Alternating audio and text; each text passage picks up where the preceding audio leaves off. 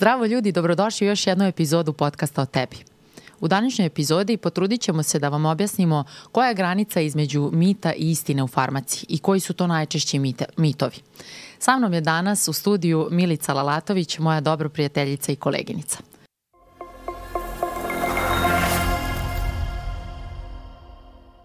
U današnje vreme je internet pun različitih informacija, a ono što je za mene problematično i što smatram da može da dovede do velikih problema jesu zdravstvene informacije i a, smatram da postoji veliki broj istina i zabluda na internetu vezano za njih i onda da li nam možeš ukratko nekako objasniti gde je razlika između istine, istina i zabluda u farmaciji?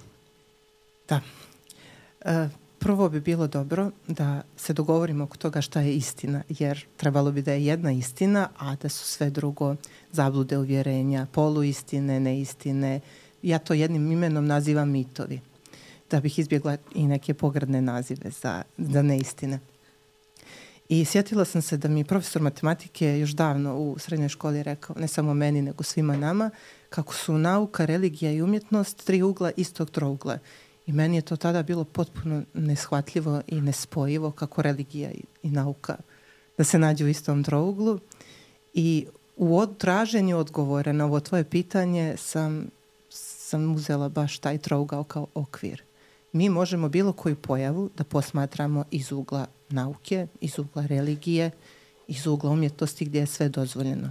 A šta bi to značilo kod liječenja? Evo recimo ako se pozicioniramo u ugao E, nauke i to medicine. E, mi objašnjavamo liječenje na taj način što imamo neku substancu, lijek, e, biljku, pa opet je neka substanca izolovana iz biljke koja djeluje na receptore naše ćelije, tkiva na nekom molekulskom nivou. I to je sve u domenu fizičkog, materijalnog. I ja bih tu postavila granicu između mita i istine u medicini i farmaciji. Naravno, postoje spoljni uticaji iz okoline, okruženja, iz načina života koji definitivno utiču na naše zdravlje.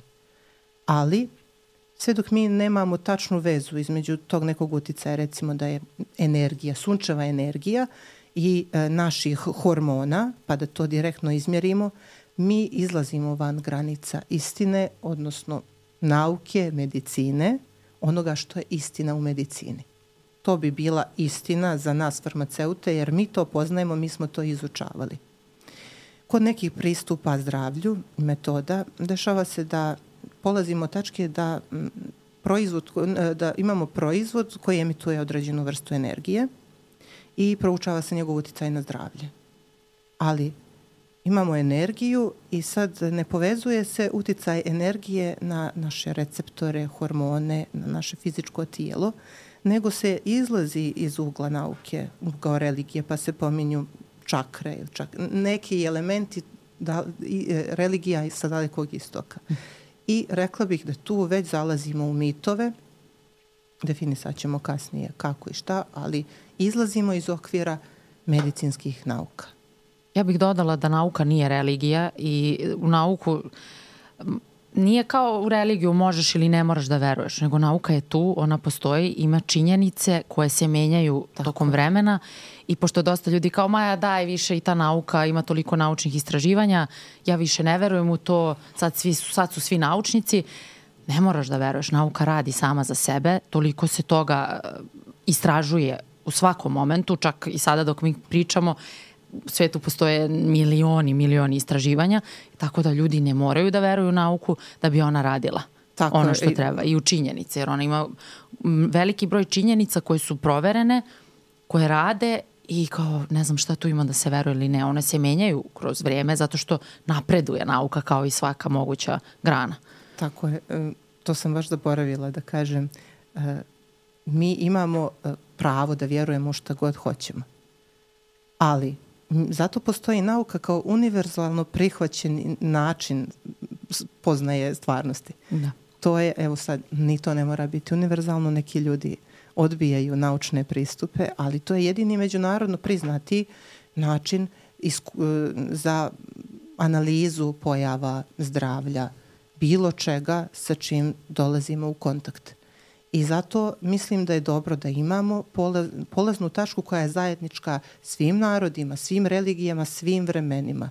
I jedino se tako možemo dogovoriti oko pristupa i oko toga šta je istina kad koristimo zajednički jezik. Jako mi je bilo zanimljivo kada si pomenula umetnost uh mhm. -huh. u tom trouglu i malo me je onako asociralo mene ta umetnici u zdravstvu za mene su to uglavnom nadri lekari i nadri, apo, e, nadri apotekari. Pa da. Zato što, ok, svaki lekar je u neku svoju ruku umetnik zato što stvarno mora sa dosta stvari da izađe na kraj. Ali generalno kad kažemo kao ovaj, ovaj deo trougla me asocirao na nadri lekare i na nadri apotekare. Pa da, da, umjetnost, meni prva asocijacija na umjetnost sloboda. Mm -hmm. Ti tu možeš da pođeš od bilo koje tvrdnje i da postoje vanzemaljci i hobiti i umjetnost je sve dozvoljeno i dozvoljeno je da pođemo tvrdnje da svi mi imamo neke parazite ili da svi mi možemo da se liječimo biljkama kao mm, što je to bilo u, u vremenu prije, prije ovako brzog razvoja nauke. Tako da da, i ja mnoge nadriljakarske metode bih svrstala u umjetnost, jer je tu, Aha. Tu, tu A to je, je taj lepi naziv tvoj. To je taj moj lijepi naziv medicinska beletristika. Ono, kao. Da. To je lijepo za čitanje, pitko je, svima djeluje logično, ali e, nema, često nema naučnih e, pokrića, da. nema, nema dokaza za mnoge polazne tačke svih tih knjiga. A, to smo sad komentarisale pre nego što smo počele emisiju kako ti to lepo asertivno kažeš, a kako ja kažem, a to su bre nadri lekari, šarlatani, nema tu šta. A ti si to tako lepo isvrstala umetnike, ali da, to smo pričale da je možda do iskustva, jer ja sam, još nisam asertivna. pa ja sam brusila moj ton komunikacije, zato što me, e, mene iritira kad vidim da naučni komunikatori ljude koji ne vjeruju u nauku nazivaju pogrdnim imenima i osuđuju ih. To se slaže. To nikako nije dobro, jer tu ne možemo stvariti onu komunikaciju i razmjenu. Ako da. nekoga omalovažavamo, mm -hmm. govorimo da je priča gluposti, šta god, ne. Ali na lekare možemo. Znaš šta, iskustvo mi je pokazalo da tu se ne radi samo o nivou obrazovanja inteligencije, jer su ljudi u ranjivim periodima jako skloni da povjeruju nešto što je nenaučno. Mm -hmm. I e, nije nivo obrazovanja i pameti jedini, jedino mjerilo naše sklonosti da povjerujemo u nadriljekarstvo ili u teorije zavjere. Mm -hmm. To je jedna duboka, kompleksna tema. Probat ćemo sad da raspetljamo makar može, mali dio toga. Može, ali pre nego što krenemo sa tim, hajde da a, jedno jako važno pitanje jeste razlike između, do, do, um, razlike između dodataka ishrani i lekova. Pošto uh, čini mi se da ljudi prepliću to sve, njima je to sve isto. Mm -hmm da krenemo sa tim pa ćemo doći i do tih uh, najčešćih mitova. Mm, da, to sam primijetila da opšta javnost najčešće ne razlikuje ni preparati u apoteci, da li je to iz domena ljekova ili iz dodataka ishrani, a kamoli kad se to nađe na internetu. Pa oni ne vide fizički tu kutiju, koliko podataka ima na njoj, koji su neželjeni efekti i, e, i vrlo je važno da, da mi o tome pričamo, jer mi kao farmaceuti jedini znamo tačnu razliku. I u onom periodu prije stavljanja u promet, evo ti poznaješ strukturu kliničkih istraživanja, koliko je to dugotrajno, koliko je to iscrpno, detaljno, obimno. Dakle, prva razlika između lijeka i dodatka ishrani je u tome što iza lijeka stoje snažni, snažni naučni dokazi, jedna iscrpna istraživanja prije nego što se on uopšte nađe u prometu i dođe do pacijenta. Onda imamo razlike i u procesu proizvodnje.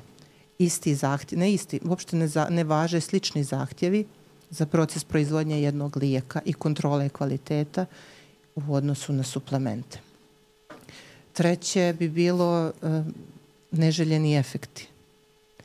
Uh, kod ljekova imamo zakonsku obavezu da pratimo i dokumentujemo neželjene efekte i zato je onaj spisak u pucu za lijek jako dugačak. Da, i taj deo, ta grana farmaci se zove farmakovigilanca, praćenje neželjenih efekata leka i to se jako dugo prati kad se lek odobri. Tako je. Tako. Lekari moraju da prijavljuju to i farmaceuti takođe, postoje formulari u apoteci koje pacijent može da dođe To do se konstantno prati. Da. Mi imamo lekove koji su na tržištu 100 godina. Da, i dalje, A i se dalje se, pojavi. prati i primijeti se nešto što se nije godin, što se Da. 100 godina nije primijetilo. Da. Zato što se To to ozbiljna dana- grana farmacije, farmakovigilanca. Jeste. Dakle, i neželjeni efekti, Mhm. proces proizvodnje, proces prije stavljanja u promet, samo reklamiranje, obilježavanje, sve to je potpuno različito. U, u toj liniji ishrana, dodaci ishrani i ljekovi, dodaci ishrani su nekako bliži hrani. I kod nas ista regulatorna tijela se bave kontrolom hrane i dodataka ishrani, e, a imamo posebne agencije za kontrolu prometa ljekova. I nekako to najbolje pokazuje u kom smo mi domenu kad uzimamo dodatak ishrani. E, zatim, primijetila sam kod mnogih, mnogih dodataka ishrani neke neusaglašenosti između sadržaja i deklaracije. Može da se desi da nije usaglašenost sadržaja i samo pakovanja. Kod ljekova je to toliko strogo kažnjivo da malte ne se ne, ne, to se ne smije desiti jer bi urušilo ugled kompanije koja proizvodi mm -hmm. ljekove i oni strogo vode računa da do toga ne dođe. Plus su te kontrole uh, prometa lijeka višestruke. Mhm. I sami proizvođači i agencije za ljekove. To prođe Gomilu. zvijesta pari očiju prije nego što stigne na tržište.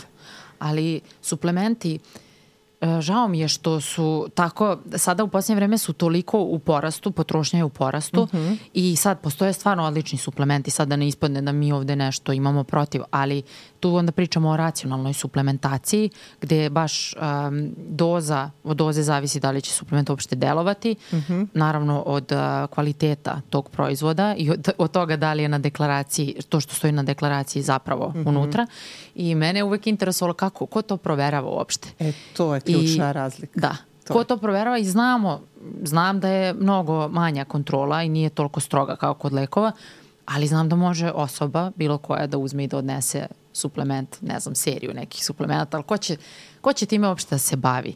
Ko će uopšte da troši svoj novac na to? Jer to bi trebalo državno da se sredi. Jeste, to, to je glavna razlika. Ta kontrola kvaliteta nije ista. I recimo ti sad možeš da proizvedeš nešto, neku tinkturu od jestive biljke i da je poneseš na kontrolu zdravstvene ispravnosti. I da dobiješ potvrdu, to je ispravno. Jestiva da. biljka, ne znam, nana, Da. ona ima svoje jestive koncentracije mm -hmm. i ljekovite, ali ti staviš jestivu. Da, u tom I dobiješ potvrdu, jestivu neku, kao čaj. I ti dobiješ potvrdu zdravstvene ispravnosti, što znači da neće niko narušiti svoje zdravlje uzimanje. Nije kontaminirano, nije prevelik sadržaj nekih rastvarača. Mm. I ti možeš sa tim da, da ideš u promet, a da napišeš da je to ljekovito. Mm -hmm. I to prolazi. To, to je najveći problem kod tržišta suplemenata. Najbolji opis za tržište suplemenata je divlji zapad. Ne mm -hmm. samo kod nas, nego svuda u svijetu. Mm -hmm. Zbog toga što je jako teško iskontrolisati tu tanku liniju između hrane i dodatka ishrani. Mm -hmm. Tu dozu jestivu i ovu ljekovitu. Veliki, veliki je prostor za manipulaciju. A to apsolutno ne znači da su svi suplementi bezvrijedni, da su oni svi loše kvaliteta, da su kontaminirani. Samo znači da je uh, lajku, a čak i stručnjaku, teško da uvidi razliku. Mm -hmm baš je teško da vidi, da prepozna kvalitet. Da. I oni kada stavljaju one zdravstvene izjave na suplemente, oni to moraju da opravdaju. Mm -hmm. I u nekim slučajevima oni ubace neke stare substancije za koje je dokazano da deluju mm -hmm. i onda stave neku novu substanciju i kažu kao, eto, stave na kutiju da pomaže u jačanju imuniteta zato što već sadrži vitamin C i cink i još neku egzotičnu substancu Substancu. za koju još nije dokazano, ali to privlači ljude da, da kupe. Jeste, taj nivo naučnih dokaza što ne mora da bude visok, da, da bi se našlo na kutiji. Da. I što je naj, najgore, imate primjere takvih suplemenata i u apotekama. To nije samo na internetu. Da. Mnogi su suplementi došli u apoteke, a da iza njih nemate dovoljno nivo naučnih dokaza. Da. Ne možete onako... Meni je to uvek fascinantan kolagen. Uh -huh. I kao, ja sam ga dosta istraživala ovako lično zbog sebe i kao nema dovoljan nivo dokaza jer ljudi neće da se bave time, neće da ulažu u to jer ljudi svakako to kupuju i koriste, pa valjda nikom nije u prilog, ne ide u prilog da dodatno istražuje. I onda kao, mene nešto uvek vukao taj kolagen i stvarno deluje. Iako nema dovoljan nivo dokaza, stvarno vidim sada, kao, vidim da mi je koža mnogo bolja i lepša od kad, kada ga konzumiram da. u odnosu na ono kada ga ne konzumiram. Ali naravno to je važ, važno koji je tip kolagena, da li je hidrolizovan, da li je riblji, da li je goveđi. Ima tu mhm. mnogo stvari I ne znam šta bih rekla, ne postoji dovoljan nivo dokaza zato što niko ne želi da ulaže u istraživanja toga, jer kao ljudi već kupuju, zašto bi se... Tako je, a i teško je to istražiti, jer kolagen je protein da, prisutan da, u ishrani. Da. Ti čim je nešto prisutno u ishrani, teško je sprovesti kvalitetno istraživanje. Da, jer ne znaš da li je od hrane ili suplementa se poboljšalo. Tako je, ja kolagen rado preporučujem bez obzira što taj nivo naučnih dokaza nije po standardima farmaceutske struke mhm. -huh. na nivou ljekova. Ne samo zato što je moje iskustvo pokazalo, nego što mogu da procijenim aha, kakva su ta istraživanja, kakav je taj kolagen, koja je tu logika, šta će s njim da se desi u organizmu, mm -hmm. da li će da se razloži na aminokiseline, pa u kojoj mjeri može da dospije do kože, do zglobova. Mm -hmm tako zahvalna sam sebi na tome što sam radoznala, što sve da. to istražujem i onda mogu zaista i da stojim iza svoje preporuke. Da. da. Bez obzira što nivo naučnih dokaza nije kao Na, za vakcinu, nije kao da. za vakcinu i da. lijek protiv ne znam čega, pritiska, povišenog, da. povišenog pritiska, ali da, To, ali koliko je, koliko je važna uloga koristiti. farmaceuta u tome svemu, jer uh, pacijent kada dođe u apoteku stane tamo ispred i ne zna šta da kupi mm -hmm. ili kupi gomilu stvari, a ne zna kako da koristi i to, tu smo mi da, Jest. dobro ne ti ja, ali naši kolege farmaceuti da to detaljno objasne i nadamo se da imaju vremena da to urade. Uh, pošto smo pominjali suplemente, sledeće jeste ta bezbednost suplemenata. Mm -hmm. Da li imaš tu nešto detaljnije da nam kažeš? Um, oni jesu bezbjedni. Ti proizvođači vode računa da ne stave maksimalnu dozu. Koja može da našteti. Koja bi da. može... Uh, ima jedna stvar koja je kod nas karakteristična. Češće proizvođači suplemenata subdoziraju. Stavljaju mnogo manje. Stavljaju mnogo manje za svaki slučaj baš zato da bi mogli da stanu iza uh, one uh, iza naslova apsolutno neškodljivo, nema neželjenih efekata. Mm -hmm. Ljudi vole da to mm -hmm. čuje. Aha, mm -hmm. čim nešto nema neželjene efekte, može. Da, Aj. da. Ali nema neželjene, izostaju i željeni. Tako da supra, suplementi mogu, generalno su bezbjedni za upotrebu. Aha. Ne mogu ja sad da kažem, uh, kao što ima nekih naslova na internetu, internetu suplementi su prevara nemojte to da koristite. Suplementi su toksični, oni su puni aditiva. E, ja se ne bih složila sa tim izjavama. Većina proizvođača vodi računa da to bude zdravstveno ispravno i da bude bezbjedno. Ali šta je problem? Problem je neracionalna upotreba, što ljudi onda to zloupotrebljavaju. Misle da je bezbjedno, neškodljivo, pa koriste velike količine suplementa, produženo koriste suplemente po više mjeseci, kombinuju ih kako ne treba na osnovu preporuka sa reklame bez, bez da se obrate zdravstvenom profesionalcu, bilo kom ljekaru ili farmaceutu i zbog toga je bezbjedna upotreba suplemenata nešto čime mi treba da se bavimo kao farmaceuti. Da, ali malo pre si rekla pacijenti zloupotrebljavaju. Pre bih rekla da to ne zloupotrebljavaju oni to svesno, nego zbog nedostatka informacija i zbog dobrog marketinga to, od strane to. kompanija nasedno, upecaju se i ja stalno pričam o tome kako uh -huh. je mhm. lako upecati se i onda meni moj tata kaže ma šta ti pričaš, kaže ti se prvo upecaš na sve, nema šta nisi kupila i probala. Tako da jako je lako, mislim to stoje timovi stručnjaka iza svih tih reklama i jako je lako upecati se, ali Svi evo sad pecamo. da, Svi. ali ja sve manje nekako jer kao kako ulazim u tematiku raznu Ali dobro, svi imamo taj moment. A znaš zašto se svi pecamo? Zato što cilj marketinga nije da dopre do tvoje svijesti, da te osvijesti i da ti da. doneseš racionalnu da, da, da. Cilj marketinga je da ti zagolica podsvijest. Da, da. One tvoje strahove želje. Da. Hoćeš da si ljepša, hoćeš da, da nisi anksiozna. I da. Marketing udara na to i ti impulsivno kupuješ emocionalno. Apsolutno. Ali sad sam pronašla jedan stariji malo tekst uh, vezano za to šta sve ima u nekim tim lekovima koji nisu u apoteci, koji se prodaju mm -hmm. na internetu. Mm -hmm. I jedna naša koleginica uh, Kristina je, ona vodi profil uh, Generacija RP na Instagramu, mm -hmm. um, je napisala za neke novine tekst i naslov je bio Lekovi sa neta puni su mišomora i cementa. Čak se i rimuje. Da, da. Zato što otkriveno više od 6700 opasnih lekovitih proizvoda koji se kupuju na internetu, a koji sadrže čak i pesticide i izmet pacova. Stručnjaci tvrde da se ovakvi proizvodi bukvalno prave u podrumima u mešalicama za cement i odatle i ti svi pro, nus produkti, odnosno mišomor mm -hmm. i cement. I eto šta sve može da se desi kada se kupuje ne. Ne adek, na neproverenim sajtovima i generalno bez deklaracije i svega toga. Mm -hmm. U saradnji sa Interpolom MUP-om Srbije, upravom Carina i inspektorima Ministarstva zdravlja samo ove godine otkriveno je više od 6700 različitih pod naznacima navoda lekovitih proizvoda koji se prodaju na Facebooku i Instagramu, a koji mogu da ugroze život. Mhm. Utvrđeno je da se najviše falsifikuju probiotici, vitamini, minerali, steroidi, preparati za potenciju, pa čak i testovi za otkrivanje koronavirusa original falsifikata. Mislim, ima ovaj, ovaj baš zanimljivo, uh, zanimljiv tekst. Uh, Mm -hmm. Najviše se falsifikuju steroidi, vitamini i probiotici, dobro, to sam već rekla, tako da stvarno problematično.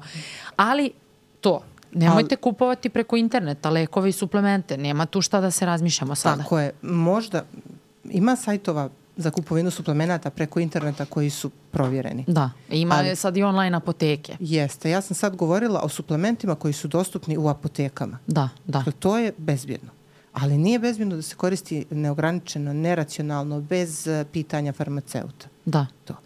A na internetu, ko zna, mislim, mm. sve je to moguće. Crna rupa. Jeste, naslov zaista jeste bombaš, bombastičan. Ali dobar je. Mislim, privlači pažnju i stvarno u ovom slučaju treba da jeste, privuče treba pažnju. malo prodrmati Jer kao javnost. mi stalno pričamo o novinari, ovo novinari, ono, jeste, umeju da zloupotrebljavaju, ali ovde su pogodili u centar. Još mhm. si rimuje. Meni se dopalo, jer toliko je mladih ljudi, eto, klinaca koji idu u teretanu i hoće steroide, hoće ovo, hoće ono, imaćemo posebnu epizodu o tome i onda kupuju tako na raznim tim sajtovima i šta unesu u sebe. Prvo, to nije bezbedno svakako samo po sebi i da uzmu najčistiji tako. steroid. A kamoli ove sa mišomorom i cementom. I čula sam da prodaju na internetu tako i mioinozitol. Mm -hmm. Ti znaš da se mioinozitol koristi kod trudnica, uh, i kod svih žena koje žele da rade na svom, da poboljšaju svoje reproduktivno zdravlje, kod mm -hmm. cista i tako dalje. I sad problem u tome što su suplementi mioinozitola malo skuplji, ovi što su stvarno na tržištu sa dobrom deklaracijom. Aha. I onda se tako pojavi na internetu neki mioinozitol koji nema, da dobiješ pola kile mioinozitola i kao za istu cenu ko onih 10 kesica mioinozitola i to ljudi kupuju, žene to kupuju. Mm -hmm. I onda ja se onako zaprepastim jer ako je žena trudna i pije nešto što je neprovereno, eto može, mislim ne mora da bude cement unutra, ali može da bude neka nečistoća, neka bakterija, mislim od proizvodnje, to je stvarno baš, baš, baš problematično. Da se vratimo, to je da. ta neusaglašenost između sadržaja i pakovanja, da. a ljudima je potrebno malo više i kritičkog mišljenja i iskustva da prepoznaju koje to pakovanje je bi, bilo, bi moglo biti rizično. Da, jer Piše ako... mi je inozitol u redu, ali ajde da vidimo u kakvom je kuti stiglo. Je li da. to zaštićeno od vlage? Je li to obilježeno? Da li dobiješ u kesi pola tako kile? Tako je, tako. Dobiješ u kesi pola kile? Apsolutno ne. Ili čak u kutiji na kojoj ne piše dovoljno Dek, informacija. Ili ako nema deklaracije, ne kupujete. Bez deklaracije ne koristiti ništa. A naročito ne ove proizvode. tako je, naročito. Trudnice ne bi trebalo da koriste išta bez da. konsultacije da. sa svojim ljekarom, ginekologom, pa čak i da donesu tu kutiju kod, kod uh, ginekologa, da on provjeri deklaraciju. Da, ali ja se zaprepastim kad čujem takve stvari. Ja, ja. Zato što se uplašim za njihovu bezbednost, ali dobro. Sledeće na listi je jačanje imuniteta do iznemoglosti. Uh mhm. -huh. To je u cijelom svetu, kod nas naročito. Prvo pitanje je uvek kako da pojačam imunitet naročito kad se ljudi prehlade, pitaju me šta da uzmem da malo pojačam. Ja uglavnom kažem pa ništa, idi odmori se prvo, pa za sledeću turu se pripremi. pripremi se za da. sledeću da. godinu. Šali se. Ali mislim da može biti jako problematično zato što se tu igramo sa imunskim odgovorom ako se prekomerno koristi. Baš bi bilo baš postavljaš široka pitanja. Da, da, da. Inspiriš u mene opširne odgovore. Slobodno. Da, bildovanje imuniteta. To, to je jedna, najčešće pitanje o apoteci je bilo tokom zadnjih pet godina. Kako da pojačam imunitet? Šta da uzimam? Kao da je to nešto, jeli, kao da je to nešto tako jednostavno što mi možemo da pojačavamo i smanjujemo kao svjetlo, kao ne znam, ton. Imunni sistem je jako kompleksan. I možda možda je na njega najteže uticati i ljekovima i suplementima, a ljudi najviše vjeruju da baš, vjeruju da baš imunitet mogu da osnaže suplementima. I onda se dešava da koriste gomile preparata, a ne bude im bolje. Nikako da se Može vrate. čak i da im bude gore. bude im gore. Nikako da se vrate na one osnove pravilnu ishranu, san i fizičku, de, aktivnost. fizičku aktivnost. To su tri stuba jednog zdravog imuniteta. Ali se zato nema vremena. Da. Nema se vremena za to. Mi hoćemo suplemente, mi hoćemo brza, Čarobnu pilulu. brza rešenja. A šta su opasnosti pretirane stimulacije imuniteta? E, može da se desi da zaista proizvod povećava broj naših imunih ćelija, te limfocita, da povećava njihovu aktivnost, da se zaista stimuliše imunni sistem. I kod pretirane imuni, stimulacije imunnog sistema e, desi se da se on zbuni i da počne da napada neke strukture zdrave našeg tkiva i tada nastaju autoimune bolesti. Tanka je linija između pretirano stimulisanog imuniteta suplementima i nastanka autoimunih bolesti. To znam iz teorije, a nažalost iz nekih praktičnih da. slučajeva gdje su ljudi neracionalno koristili imunostimulatore pa na kraju dobili autoimune dijagnoze. Da, i mogu da pretpostavim da se na kraju ni ne povezuje sa tim, jer ljudi misle kao, ma kakav suplement, ok, u tom, u tom slučaju koji poznaješ, ali mm -hmm. ovako generalno odu kod lekara, niko ni ne pominje suplement. Tako je. Ako lekar nema vremena, zato što ga čeka 50 pacijenata ispred, mm -hmm. ako pacijent sam ne pomene to ko da nije ništa ni uzeo, ma šta ti to malo, vitamina Jest. C, malo ehina C, šta to je biljka, mm -hmm. a to može ogroman haos da napravi u organizmu. Naročito u kombinaciji sa ostalim lekovima. Teško je to uhvatiti na običnom ljekarskom pregledu. Treba sa pacijentom malo duže da se razgovara da bi se došlo od toga šta je on pio prethodne godine. Da. I da bi se shvatilo da recimo on pije hinaceu konstantno koja je imunostimulator koji bi trebalo da se pije oko 8 nedelja godišnje ukupno. Maksimum. U etapama, ne da. uzastopno, nego maksimum. I to kao u jednom cugu de, nešto desetak dana. Tako je. Ja sam viđala preporuke na internetu da se hinacea daje djeci, ali niko ne naglasi koliko. To mm -hmm. rade influenceri. To da. ne rade zdravstveni profesionalci, mada ima ih i odgovorni koji naglase da to nije za svakoga. Mm -hmm. C vitamin bi mogao biti za svakoga, D vitamin u, ali nekako... u, isto ne zbog doze, ali ehinacea i, i direktni imunostimulatori definitivno nisu za svakoga i nisu za upotrebu na svoju ruku. Da. I to što se vitamina C tiče, malo mm. mi je preko glave, dajte ljudi uzmite malo limunade i malo citrusa. Čemu tolika količina vitamina C? Pa ima, ima naučnih dokaza. Ima, ali ima. zašto C ne bismo... vitamin ono... zaista ima Znam. i to jeste velika doza. Jeste. Da. Ta koja, za koju se dokazalo da stimuliše imunitet, ona je preko jednog grama jednog do dva Ali grama. to mora pre nego što se osoba prehladi. Jeste, jeste. Jer u momentu kad prehlada već nastane, to ništa ne deluje. To sam isto čitala. ne znam mnogo ljudi koji preventivno uzimaju pravu dozu vitamina C. Koliko je to? To doza? je do 2 grama. 1 do 2 grama, to je veliko. Da. To, to je... Ali pola ode, koliko, dosta toga se izluči putem bubrega. Sve zavisi od oblika. farmaceutskog oblika, načina uzimanja. Bolje se resorbuje kada se uzima više puta dnevno. Iskreno, baš, baš ne znam te ljude koji uzimaju 500 mg vitamina C tri puta, puta dnevno da bi ojačali svoj imunitet i da se ne bi prehlađivali. Moram da nađem koliko u jednom limunu ima vitamina C. E, sad ću da nađem da si mi domaći zadatak i da vidim koliko limuna treba Tako da... Je, ali Šalim se, treba i tu je... voditi računa.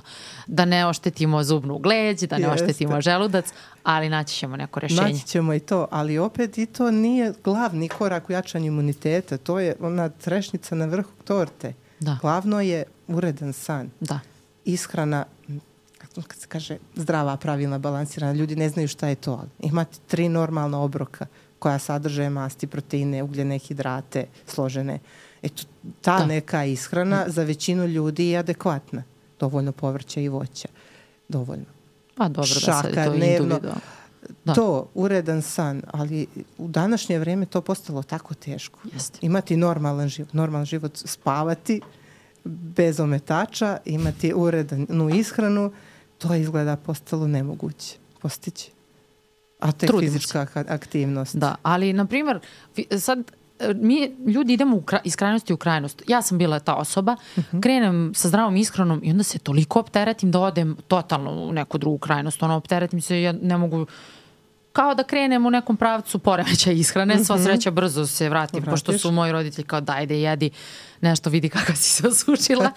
Onda fizička aktivnost isto krenem da treniram i onda ako ne istreniram onda sam u haosu, onda kao odmah krenem da kritikujem sebe, tako da stvarno nešto izbalansirano i kad ne možemo da treniramo izađi, prošitaj, druži se sa ljudima, starije osobe isto, kao kad mm -hmm. pričamo o fizičkoj aktivnosti, pa ne mogu starije osobe da idu, nemaš ti vremena, kad neko kaže napravite svaki dan 10.000 koraka. Ljudi koji rade od jutra do sutra, kako e. oni da naprave 10.000 koraka? Kako? Samo nek mi neko objasni.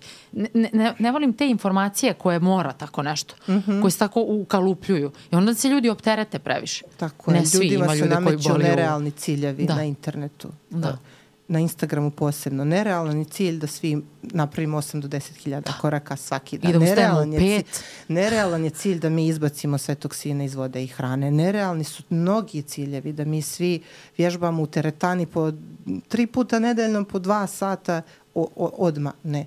Da. Mislim da niko ne daje važnost malim koracima, početku, ajde ne mora da bude tri puta Da, ili I ne mora da bude voliš. sat i po, može da. da bude 10 minuta. Počni od nečeg malog. Niko ne ohrabruje ljude da urade neke, da unesu male promjene u svoj život. Da. Nego je to, vidi mene, ja radim desetke. Stalno, svi se hvalimo nekim da, da, da, da, ekstremnim da. uspjesima, a zaboravljamo na obične stvari koje su važne. Da. Sad, sami moramo da uključimo kritički mozak i da Jeste, to sve sami gasimo da nađemo, što nas... To je da, suština da. zdravlja, da ti sam nađeš svoju mjeru svega. Da, da. I ishrane i tog treninga. Ja nisam ni za intenzivne treninge. Pa kome odgovara, nek intenzivno trenira, kome ne odgovara. Ja teretanu ne volim, nikad i nisam voljela. Ljudi pokušavaju da me ubede, ne volim, tačka, imam nešto svoje, ti treniraj svoje i to Tako. je to. Ne znam zašto svi moramo da budemo uniformisani. Ja prihvatam taj odgovor, ne volim, smeta mi, sve dok ljudi traže ono što vole. Da. Idi, traži šta voliš, sve u redu, ali da ne vole baš ni jednu vrstu fizičke da, aktivnosti, da, šetnja isto, to okay. neću nikad podržati. Da, da, da, da. da. Možeš, slobodno nemoj da voliš teretanu ako radiš nešto da, drugo radim, ja obožavam, obožavam e, fizičku aktivnost e, svakako. To, to, to. Svašta sam ja probala, ali ajde, nije to tema ja isto, danas. I da. po tome smo blizani. Da, da, da, da. Sledeća tema, upotreba probiotika. Mm -hmm. Meni jako zanimljiva tema, pogotovo u posljednje vreme. Probiotici se jedu kao tik-tak bombone. Mm -hmm. Bukvalno se jedu, tako imam neki doživljaj. Uh, Šta misliš o tome? I moram da kažem da su se probiotici kod nas delili i u predizbornoj kampanji, što je za mene bilo potpuna nebuloza i baš, baš onako... To je moj deo. Znači, ne mešam se u politiku, ali kad mi neko dira lekove i kad neko radi nešto što nije dobro za zdravlje ovog naroda, ja se mnogo iznerviram. Kako, mislim, kao bombone. Evo, izvolite bombone i to je to. I pa još znači, je... smijem da kažem da sam to dobila u avionu sad katastrofa. Svi smo dobili u probiotik. avionu probiotik. Dobro, neću. Ajde, nastavi. Pa da, ja I u predizbornoj kampanji. Da, katastrofa. A, to nije jogurt. Nije. Probiotik nije jogurt. Probiotik je... Šta je probiotik? U koju vrstu spada od ovoga što smo e, naveli? On može biti i dodatak ishrani, a neki proizvođači idu korak dalje pa taj preparat registruju kao lijek. Da, da, da. Sve dokument. Eto, da. Neću sad detalji da, da, kako to, to ide pr, aut, autorizacije. Uh mhm. -huh.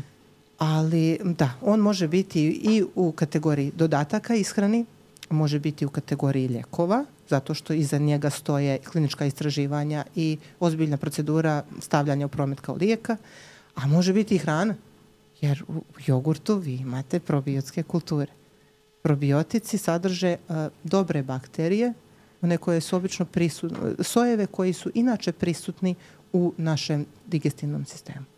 To su probiotici. Tih sojeva ima bezbroj i jesi li, ne znam da li je ljudima poznato da je mikrobiom, sastav tih naših dobrih bakterija i toliko jedinstven kao otisak prsta. Nemaš dva čovjeka koji imaju iste bakterije u istom odnosu u svom digestivnom mm -hmm. sistemu.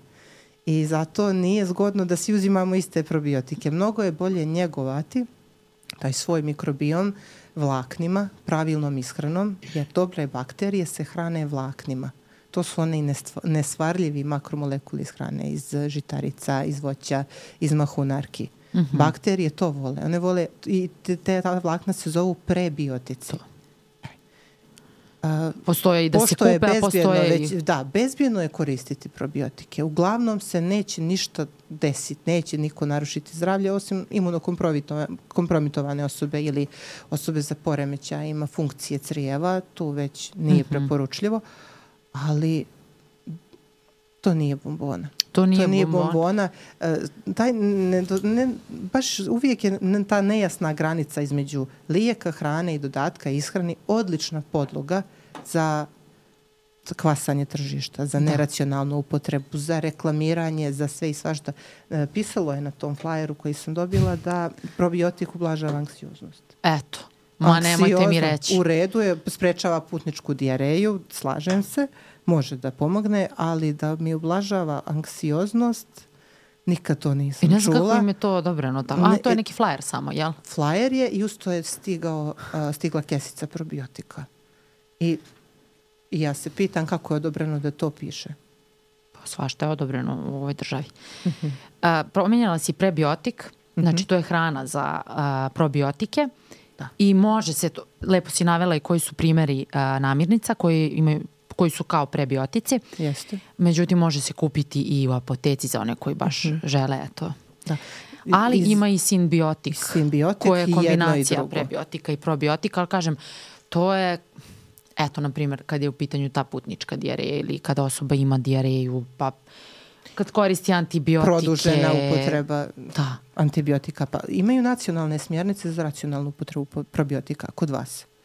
I one se razlikuju od zemlje do zemlje. Nije to mhm. svuda. Pa zato što, baš to kao što si rekla, nismo svi, ne živimo mm. na istom području, različiti su nam mikrobiomi, ali to što si rekla. Različita je i hrana. Da, sigurno sam da narušava taj mikrobiom. Kad se neko svakodnevno koristi probiotik, pa zato što si pomenula, Tako. jer vidim da ljudi to koriste kao suplement, ono svakodnevno, pa u godinu dana bez prestanka.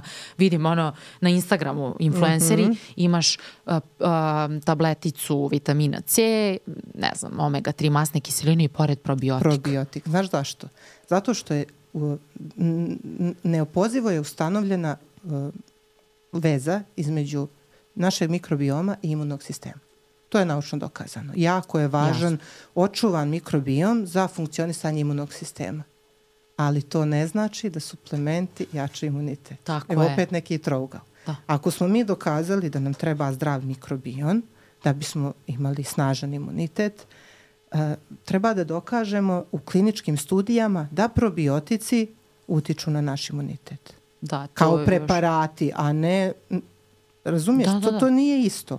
Da, nego to ljudima je lakše da pomisle da će taj probiotik da reši sve ono što su radili za vikend, pili, jeli junk food, uh, popili ne znam koliko čega. Ne, nego moraš polako, korak po korak. To Tako nije je. magična pilula i onda bolje, ok, bolje svakako i taj probiotik jednom nikad nego da se svakodnevno uništavaju raznim Jeste. substancama, ali to nije put za jačanje imuniteta. Prenaglašena je kod nas upotreba probiotika. Da. U inostranstvu se uopšte ne potencira čak ni uz antibiotik da se toliko da. probiotika koristi. Pa jasno je opet da je marketing u pitanju. E, da, preveliki je marketinški da. pritisak. Čak se sad probiotici daju i djeci za imunitet i roditelji primijete pomake.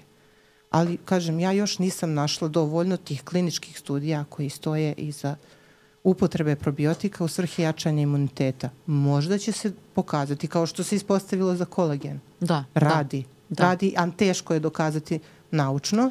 Kako? Vidjet ćemo. Za da. probiotike da. ćemo vidjeti jer je to jedno ogromno polje za istraživanje i za razvoj. Čak je bilo nekih istraživanja, ne mogu reći da je to relevantno, e, zato što ih je malo, kao da se teže se vraća e, mikrobiom u ravnotežu, nakon upotrebe probiotika uz antibiotik u nekim slučajevima. Jer otežava se regeneracija trijene flore sobstveno. Unosiš neki spoljni ne, neku, Jeste, nešto spoljno, neku kombinaciju koja nije slična tvom mikrobiomu mm -hmm. i narušavaš vraćanje u ravnotežu. Pa će sad da se... Pa da, kao da se ulenje naše bakterije, tako mi sad Pa ne ulenje, ali ne- ovi su im zauzeli mesta i posle kad, E. kad hoćemo našu To, to. Mikro, naš mikrobiom da se unormali, tako mi to sad iz ove priče deluje. Ali dobro, vidjet ćemo, pratit ćemo, Tako pa ćemo i- obavestiti. Ima smisla, nije mnogo rizično i čim je tako, čim nešto nije mnogo rizično koristiti, evo, evo proizvođača Pa da, ali mislim, kako i da se ne koristi, podelili su cijeloj Srbiji probiotike u predizbornoj kampanji, pa Imala sam komentar na to. sramota, da čujem, sam. molim te. Ko bi, to, ko bi izdržao ovu kampanju bez Bukvalno, probiotika? da, da, da. Ko? da. E, pa da, ja sam se pitala, ja sam se pitala zašto i onda sam isto došla do tog zaključka, pa zato što nam se kaki odlaži i svega. Da, dobro, ali da, sad si me podsjetila na to, Pa hvala da nas ti. spase. Spa. Ali ne pomaže. Probiotik ne pomaže, nemojte stavljati to na flyer. Ne Da. pomaže u tom slučaju. Kao, I dalje imamo Nemojte nam dijareju. davati sunđere da kupimo vodu, nego zavrnite slavinu. Da, da. A slavina je ono, informacija koje, Ali e, koje fascinantno mi je, tokom kampanje. fascinantno mi je e, kad je jedna novinarka postavila pitanje pa zašto delite probiotike u ovoj predizbornoj kampanji, odgovor je bio pa nemam ja ništa s tim, pogledajte s onim, kao vidite s onima koji se bave time i onda je rekao naš vrhunski, vrhovni poglavar je rekao um, pa zato što kao, pošto se ona ljutio što ona njega uopšte to pita kao pa hoćete da dam i antibiotike uz to, a meni ovako bam. kao ne, ne, ne šalimo se s tim stvarima. Mislim, mi se ubismo da, da pričamo o, o antibiotskoj rezistenciji i svemu tome onda dođe neko i tako ti lupeta bez, a taj neko je na vrhu države. I onda ne znam, izvinjam se, ali uvek se iznerviram oko ove teme, samo što je vezano za farmaciju. Da, da. Mislim, to me Polako, baš iznervira. Saška, polako. Ne vjerujem. Vraćamo se. Vraćamo se. Oboje su, Hvala bili, ti. oboje su bili drski. Gledala sam taj snimak. da. I i jedno i drugo. Da. I baš mi to ne doliči ni jednom novinaru, a tek jednom Ali pitanje je bilo države. dobro. Ja bih ga to pitala. Čemu to? Stvarno bih ga to pitala. Čemu to u predizbornoj kampanji? Čemu to? Dajte knjigu neku da ovaj narod pročita nešto. A ne da lečimo, da kvarimo mikrobiom. Eto, tako bih ja pitala. A, a nespojivo mi je to. Nespoji mi je probiotik sa predizbornom kampanjom. A, ako shvatim, ja ću da ti kažem. Pa shvatili smo, dali smo rešenje. Dobro, idemo dalje. Zloupotreba lekova. E. Da li imaš neki komentar i neki primer? Ja imam mnogo, ali Ajde, prvo ti. Ajde. Zloupotreba lekova, a, to bih opet razgraničila kada je u pitanju zloupotreba, kada je u pitanju nedovoljna informisanost. I mislim da se prepliče. Mnogo. Ajde, ajde, ovako, reći ćemo prvo. Šta je, Ajde. šta je upotreba lijekova? Kad imamo lijek, e, uz njega dolazi uputstvo za upotrebu i tu, se, tu imate naziv terapijske indikacije. To su stanja za koja ima smisla koristiti taj lijek.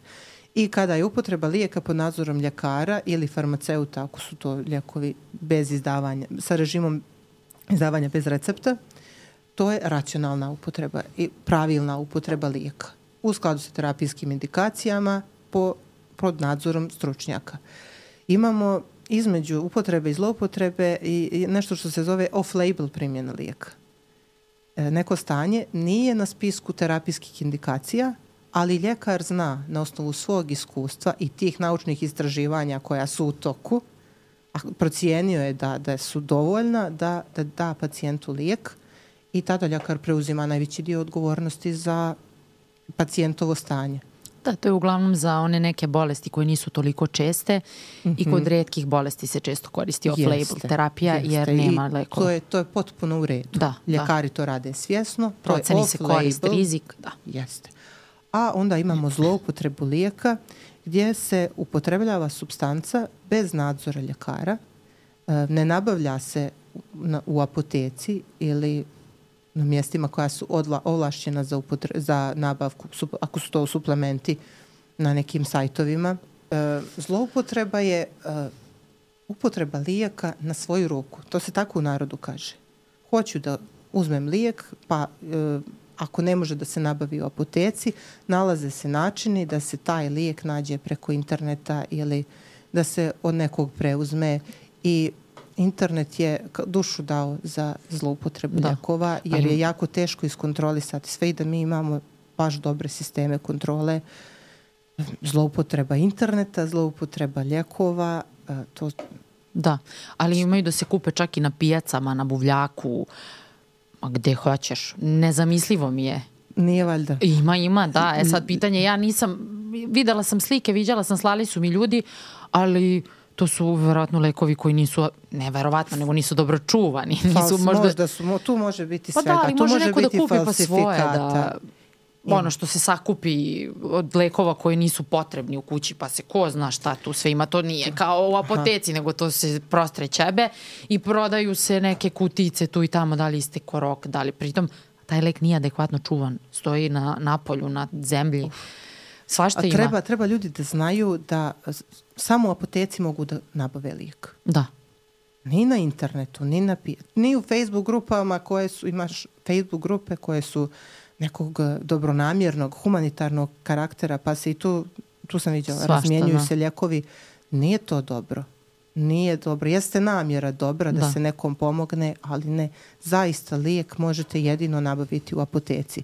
Za suplemente, kažem, manje je regulisano. Mhm. Njih je moguće nabaviti preko interneta, a da su provjereni, da su kvalitetni, ali tu Mhm, tražite pomoć da, da razlučite koji jesu kvalitetni, koji nisu. Mhm. Uh, tu bih pomenula i benzodiazepine koji su Mhm. dosta u širokoj zloupotrebi. Upotrebi gde se prodaju. Jeste. I tu, tu se meša ta zloupotreba i upotreba, jer mnogo ljudi koje ja poznajem, prvo, uh, kad mi kažu da koriste benzodiazepine, kada im je propisano od strane psihijatra, to je okej, ako je kontrolisano. Međutim, oni to nabave, ti to možeš da uzmeš bilo gde, da kupiš bez recepta, nažalost, tako je stanje u praksi. I onda, uh, skoro je bio jedan primer, man, sto puta mi se ponavlja, da ljudi kao, pa ja to uzmem tako povremeno. I šta to znači povremeno? Svaki drugi dan, pa onda to krene svaki dan. Pa se onda osoba osjeća sve anksioznije i sve mm, izgubljenije. I onda ja kažem, ljudi, ne možete tako. Stvarno onako lepo idemo celo savjetovanje, jer su to uglavnom ljudi koje ja poznajem, pa imam vremena za njih. I stvarno želim da ispričam, jer dolazi do pojave tolerancije i zavisnosti kod neadekvatne upotrebe benzodiazepina, odnosno lekova za smirenje. Da. I tu čak stvarno mislim da ljudi nisu dovoljno informisani. Da, ali ako misle da uzimaju povremeno, a to je zapravo svaki drugi dan, oni onda nisu svjesni da li Da su to nije- razvili zavisnost. Ali to nije povremeno. Tako, ali oni toga nisu svjesni. Da, da. Oni misle da su oni šef u tom odnosu, benzodiazepin, ja. Ja, Da. ja sam gazda, ja se pitam kad ću da uzmem. A u stvari si A sluga. u stvari nisi. I Da. možda je dobar sta, savjet predložiti ne o- obustavu, nego, aha, uzimaš svaki drugi dan. Ajde, probaj na svaki četvrti i vidi kako ćeš se osjećati. Da. Ako možeš bez problema da prorijediš, a da ne osjećaš simptome uznemirenosti krize, onda si možda ti gazda u tom odnosu. Da. Pa eto, to, to bi možda bio najbolji savjet. Kad neko nema realnu sliku o tome koliko upotrebljava benzodiazepine, ako već neće da uključi ljekara i stručnjake, neka proba da prorijedi Jeste, korišćenje. jer u idealnom svetu, koji bih ja voljela da postoji, a ne postoji, jeste da psihijatar samo propisuje Mm. a, benzodiazepine i da prati. I da prati I i da se izdaje tačan broj tableta Tako po je. režimu doziranja. Tako je. I to se i dešava nekada i super ko je u tom elementu ko ide kod lekara, to Mhm. je super. Međutim, i drugi lekari a, drugih a, specijalizacija propisuju te lekove.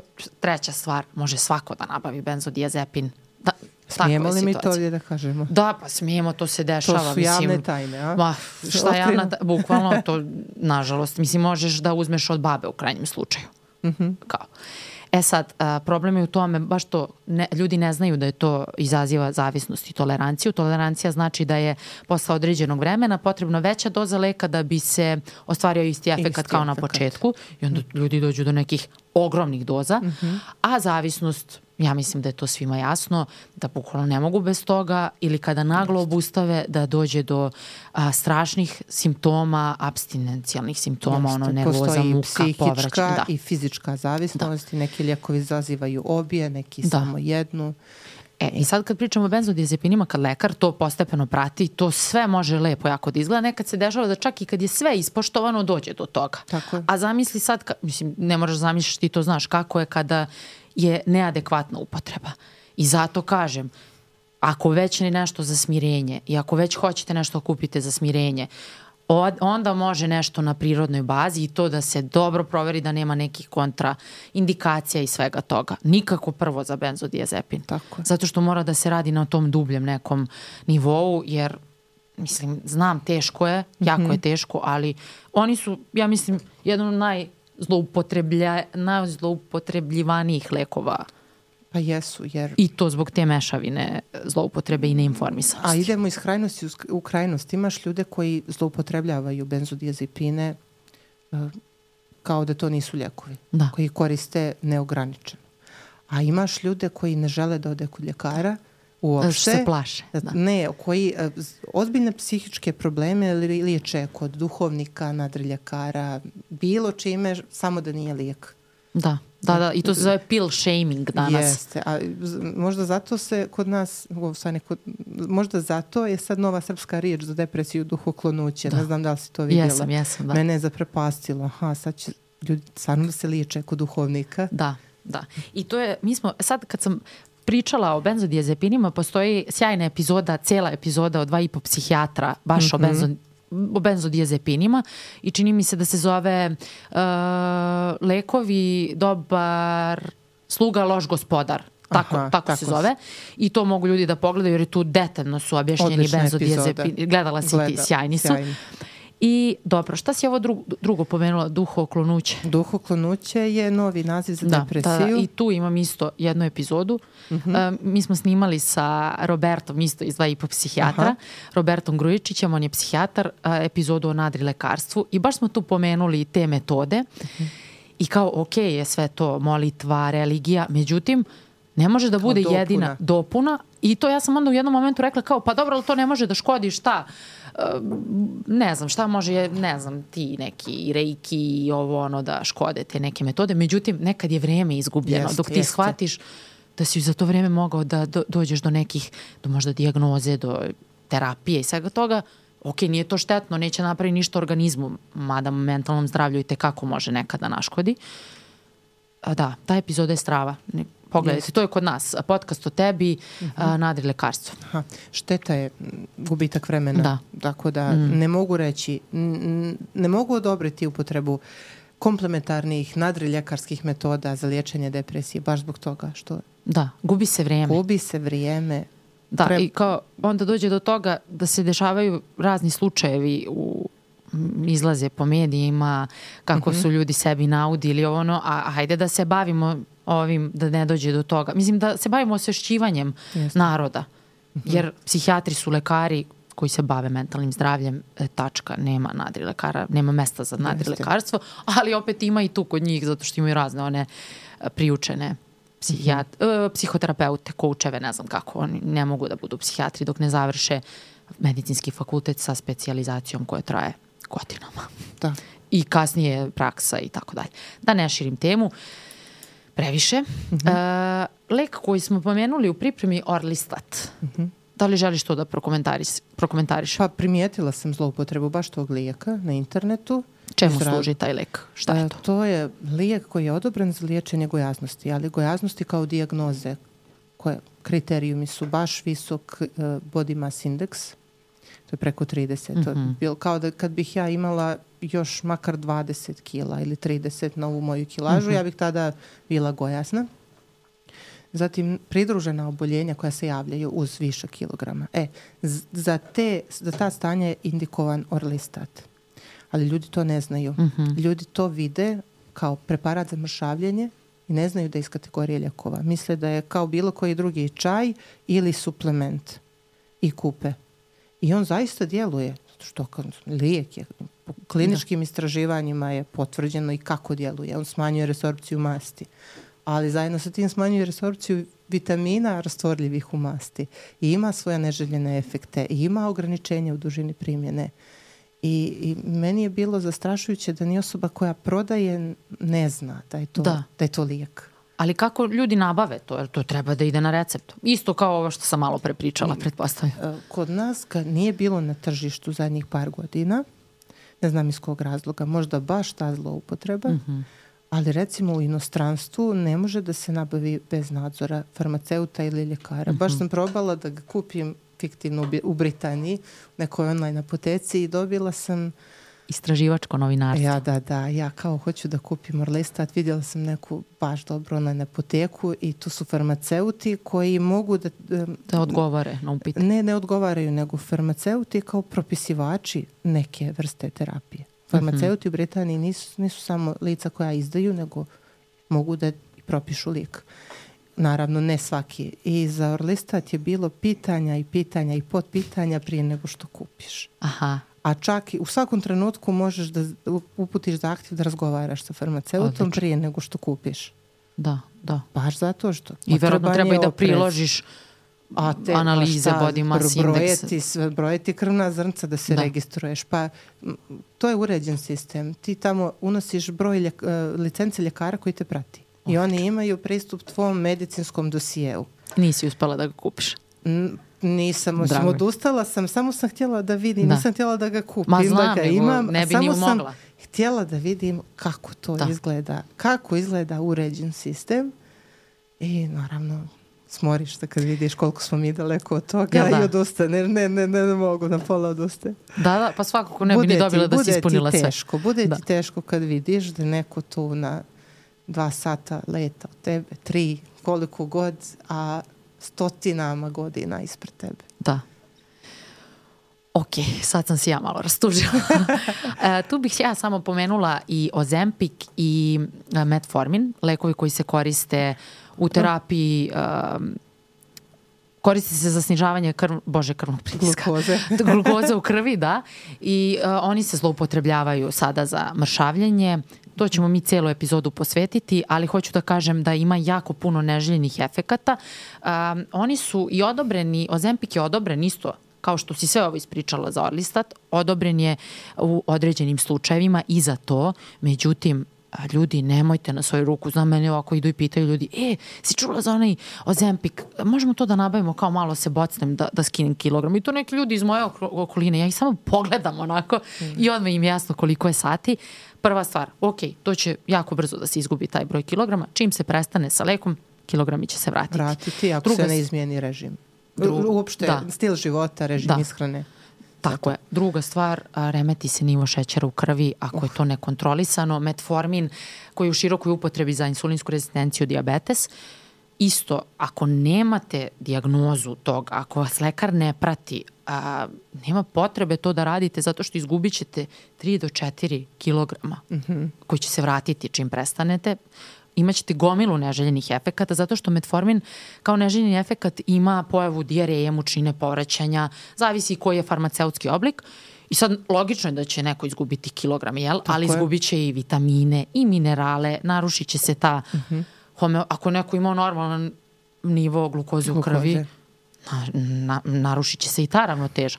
Tako da, samo sam htjela da kažem, mm -hmm. nemojte zloupotrebljavati te lekove, neće vam doneti ništa dobro. Fizička aktivnost o kojoj smo već pričale, dobar san, kvalitetna ishrana, aj, uživanje malo u životu je bolje od ove, ove dva, tri Odmor, leka. molim te. Odmor, naravno, slažem se. Kao crnogorski farmaceut, ne, molim te. Obavezno odmor. Ali problematika je velika i kao, ja ne mogu da verujem, ali to meni kaže stalno moja drugarica Jovana s kojom vodim podcast, kaže ti kao da živiš u nekom idealnom svetu. I tata mi i mama isto govore, aj prestani više da se iščuđavaš čoveče, pa svašta se dešava. I kao ne mogu da verujem da neko svoje zdravlje narušava da bi izgubio nekoliko kilograma koje može da izgubi šetnjom i svim ovim što smo naveli. Zato što ljudi ne znaju. I mogu, zato što su mogu negde... da vjerujem, to su klasične ljudske slabosti svi hoćemo da izgledamo bolje, a što prije, što brže. I najčešća je zloupotreba lijekova koji nam pomažu da bolje izgledamo i da se bolje osjećamo. Jer je rad na tome dug da. i zahtjeva neku žrtvu, zahtjeva disciplinu. I meni je jasno da ljudi traže brza rešenja. Mm -hmm. A ovo što si rekla za metformin, ima izgleda da će se on koristiti kao dio paketa za produženje vitalnosti. I mislim da se ljudi oslanjaju na ta kao istraživanja. Kao deo predizborne kampanje sledeće godine. ne, ne, zaista ono, obećava, ima istraživanja koja su obećavajuća da bi mogao na neki način da utiče na, na, na starenje Dobro, ali zadala si mi zadatak. istraži, ti si sad... Ja sam u- sada ti na se masteru. sad time baviš. Tako je. Obrati pažnju na metformin i u zloupotrebi metformina ima i toga.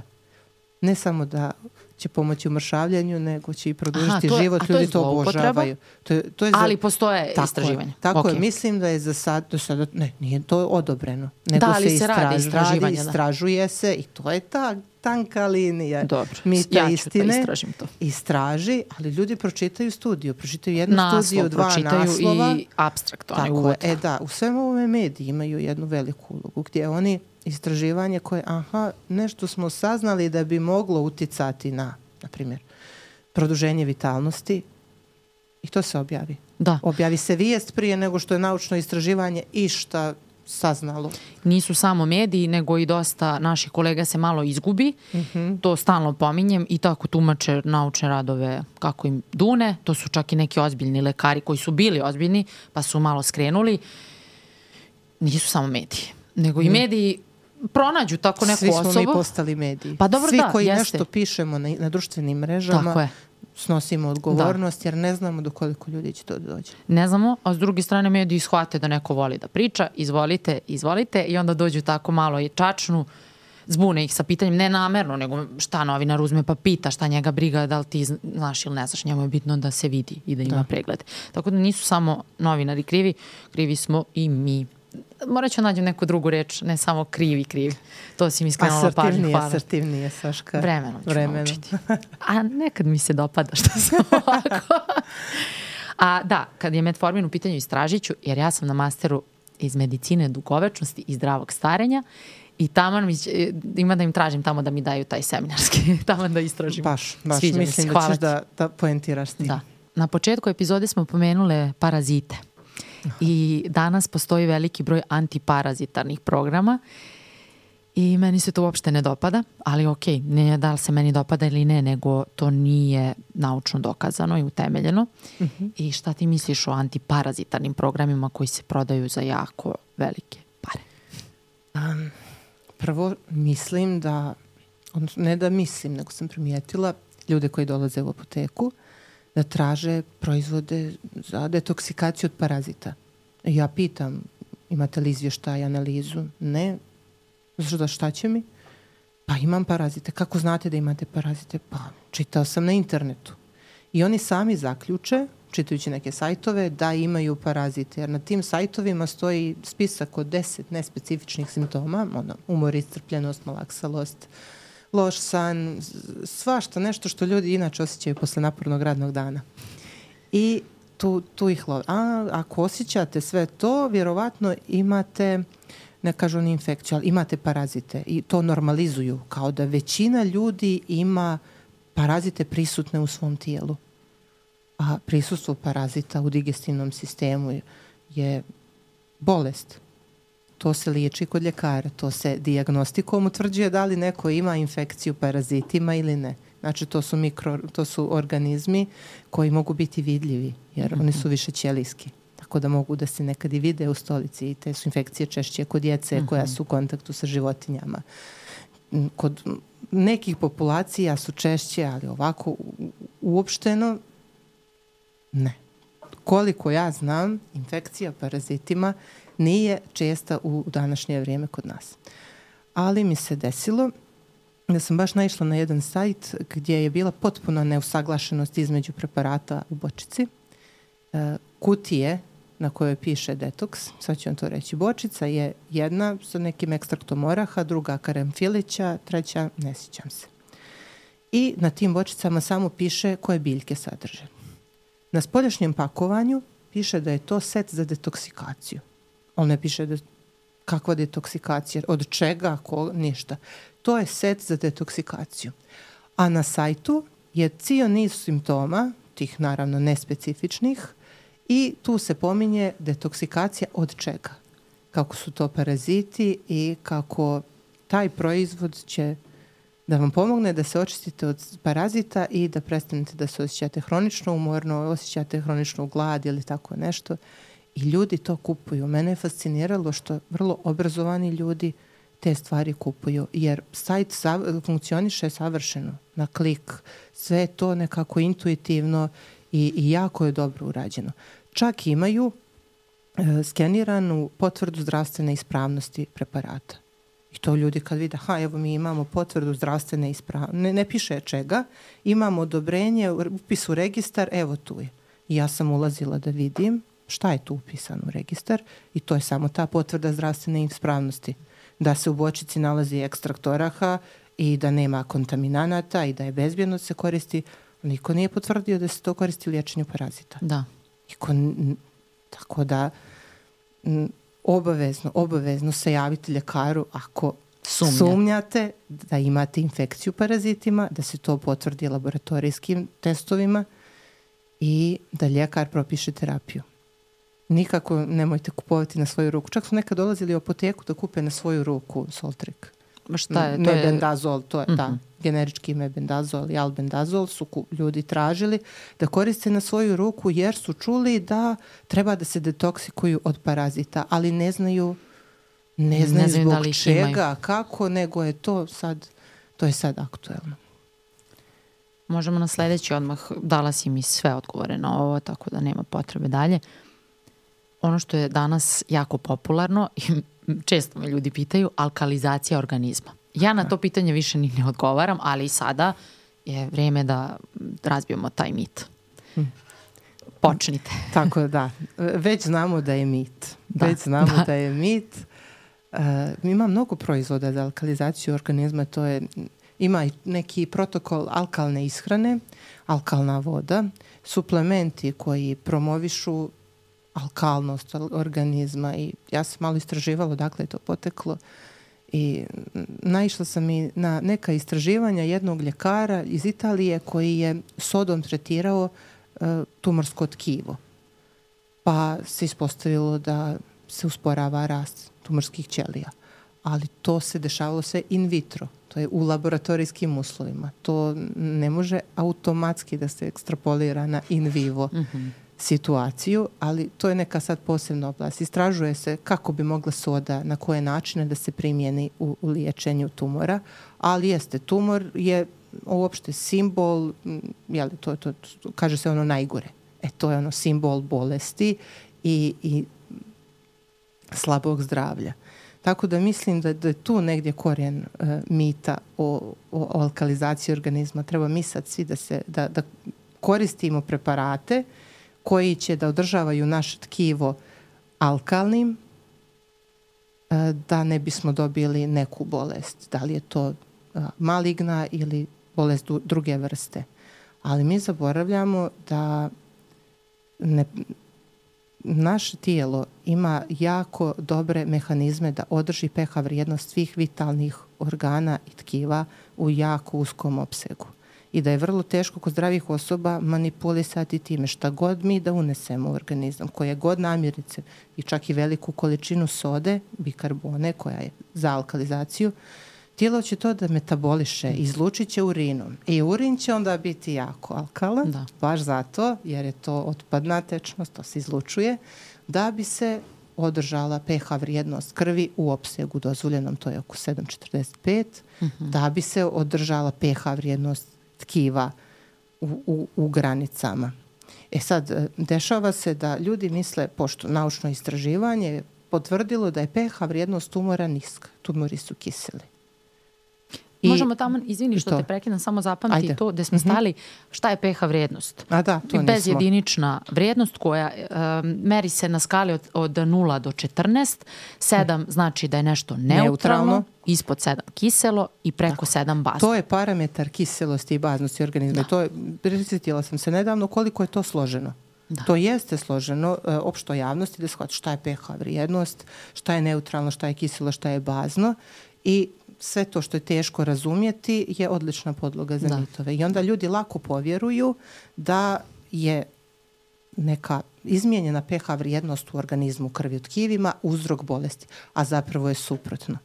Desi se neki poremećaj funkcije organizmu, uh, poraste pH vrijednost, odnosno smanji se, uh mhm. -huh. kisela pH je niska, padne pH vrijednost u nekom tkivu i uh, to je patologija, to je patološki proces.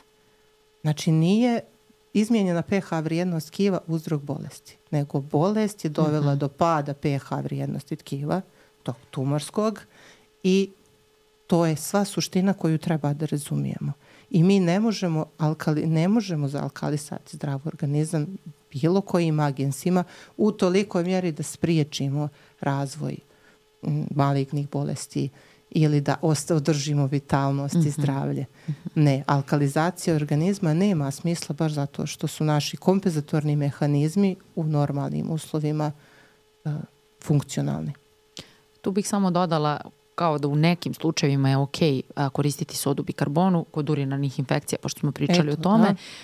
I to je baš ono zato što si rekla, on se izlučuje putem Mhm. Preko Jeste, bubrega. Pa alkališe pa, urin da. i onda se uh, lijekovi, na primjer urin čaj, bolje djeluje da, e, to u su isto, sredini. To jeste. Ali to nije alkalizacija organizma, da, nego, nego je to alkalizacija urina da. i to je moguće. Jer urin će da mijenja pH vrijednost baš zato da bi, da bi se regulisala pH vrijednost krvi. A to, su, to smo mi kad smo bili na faksu učili baš to, da je uz uvin čaj potrebna uh, soda bikarbona. Međutim, sada posle, u posljednje vreme kažu da uopšte nije potrebno za uvin čaj a, pre toga koristiti sodu bikarbonu. Neće da naškodi, može samo da pomogne, mhm. -huh. ali kao da nije moranje, zato što te bakterije same a, aktiviraju one aktivne substancije iz uvinog čaja. To su neka nova istraživanja, eto kako Aha. se menja nauka. To je jako zanimljivo, ali um, soda bikarbona u onom inicijalnom stadijumu stvarno može da olakša simptome urinarne infekcije. A, jako je važno da to bude soda bikarbona za pa oralnu da, upotrebu. to je liječenje nekog stanja. Da, da, to da, da. nije da mi uzimamo sodu bikarbonu ono kao daily supplement. Da, za, da, da, da. Znaš, za dugovječnost, za prevenciju Naravno, bolesti. Da. Neopravdano je, zato što ona može neutralisati e, želudačnu kiselinu, i konstantnom neutralizacijom želudačne kiseline sodom, to je klasična reakcija kiselina baza, nastaje neutralno jedinjenje so i ovaj samo se sve više stimuliše lučenje kiseline. Što može da dovede I do pojave čira. Do pojave čira, ko, jeste. I zato da. smo razvili mnogo naprednije ljekove kod viška kiseline u želucu uh mhm. -huh. od sode i kad je soda bikarbona u pitanju, osobe koje imaju povišen krvni pritisak ne treba na svoju ruku da koristi jer može pogoršati. Natrium. Da, može povećati još krvni pritisak. Ok. Uh mhm. -huh. Jako zanimljivo pitanje, čak i za mene, jedva čekam odgovor, Bahove kapi. Bahove, Bahove kapi, kapi i slične metode. Bahove kapi, mene ljudi često pitaju za njih, ja nisam istraživala tu temu, ja samo kažem da ja to ne bih koristila I zato jedva čekam da nam ispričaš šta je to i čemu služi. I um, ja sam našla neke stvari o Bahovim kapima, neke tvrdnje. Dobro. Koje su jako čudne i za mene su smešne. Ali hajde nam prvo ispriči šta su Bahove kapi. Um, Bahove kapi su neke cvjetne esencije koje je razvio doktor Edvard, Edvard Bach prije 80 godina i one liječe ne bolest kao ne stanje, nego uzrok bolesti, a uzrok bolesti su neke emocije. I sad mi imamo pojavu da fizički proizvod, to je cvjetna esencija, tečnost u bočici, tretira naše emocionalno stanje. I tu izlazimo iz trougla koji smo postavili na početku, ako se sjećaš, uh mhm. -huh. nauka, religija, umjetnost. Mi sad pričamo o tome da uh, fizički proizvod ne djeluje na neke receptore i strukture naših tkiva i organa, nego djeluje na emociju. A emocija nije to nešto materijalno. I mi smo već izašli iz, mi smo izašli iz okvira farmacije. I zato farmaceut tu nema šta da kaže da, da, profesionalno. Može jedino da da lično mišljenje da li ja u to vjerujem, da li ne vjerujem, da, kakvo imam iskustvo, ko je to pio, zašto je koristio, je li mu pomoglo. I tu naravno placebo efekat može biti ogroman.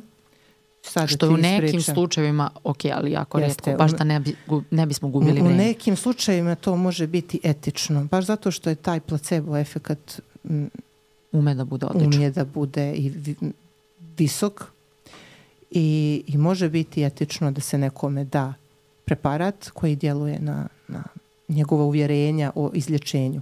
Ali ovo ću da ti pročitam. Hajde. 38 svjetnih esencija. Ja ne mogu da kažem nemojte i koristite, samo mogu da kažem probajte da se ne zavaravate, da se time može liječiti neko ozbiljno stanje. U redu je potražiti pomoć kad se ne osjećamo dobro, pa tražiti uzrok. Pa ljudi često u traženju uzroka i, i dijagnoze nabasaju na, na Bahove kapi. Mm -hmm. Evo, e, za nestrpljive, ubrzane ljude, razdražljivost, jaka unutrašnja napetost, zato se koristi nedirak, tako se zove, e, tako se zove biljka u narodu. E, šta sam ti ono još čitala? Brest, Brest je za akutnu krizu samopouzdanja, lincura je za obeshrabrenost, malodušnost pred preprekom ili izazovom, kičica za vojno služenje drugima, za one koji ne umaju da kažu ne. Tako je, tako je. Zato idite na psihoterapiju ako Jeste, možete eto. sebi to da priuštite. Ovo Kod bi pravo. najbolje bilo psihoterapeuti i psiholozi da komentarišu, da. jer... Uh, Može. Ovo je izašlo iz naših okvira. Ovo, ovo zaista izlazi iz naših okvira i ja ne znam da li je ova metoda priznata kao komplementarna. Mm. Jer koliko znam homeopatija je više pla, objašnjava se kao da je placebo efekat, ali ona priznata kao komplementarna metoda liječenja i mogu, može mm -hmm. da se mhm. nabavi u apoteci. Bahove kapi za sada ne. One ne mogu za sada da se nabave u apoteci.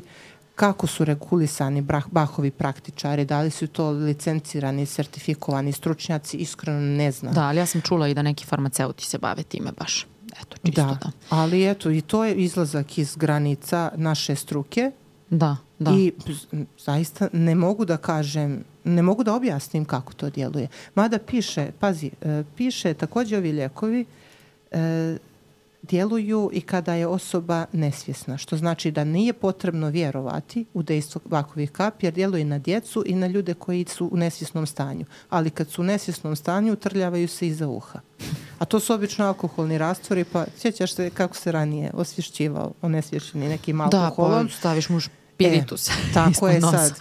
Ne znam, uh, imaju i bezalkoholne kapi za trudnice, za djecu i za biljke i za životinje. I nema predoziranja. Ovo mi je previše predoziranja nema i to je glavni to, to, benefit. Ne, nego to je glavni pokazatelj da aktivne substance m, nema.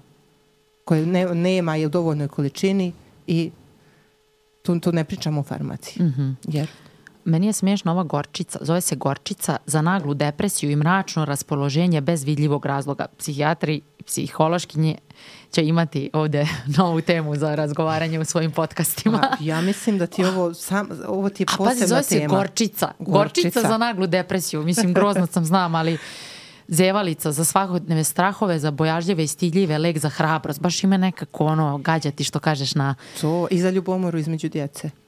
Ima i za to, ali to nije na ovom spisku, to sam našla na nekom drugom sajtu. Slušaj, ovo pitom i kesten slomljena srca, oče kad nema izlaza unutrašnji bol. Mislim, ja bih ovo mogla čitam tri dana, ali ajde, prelazimo dalje.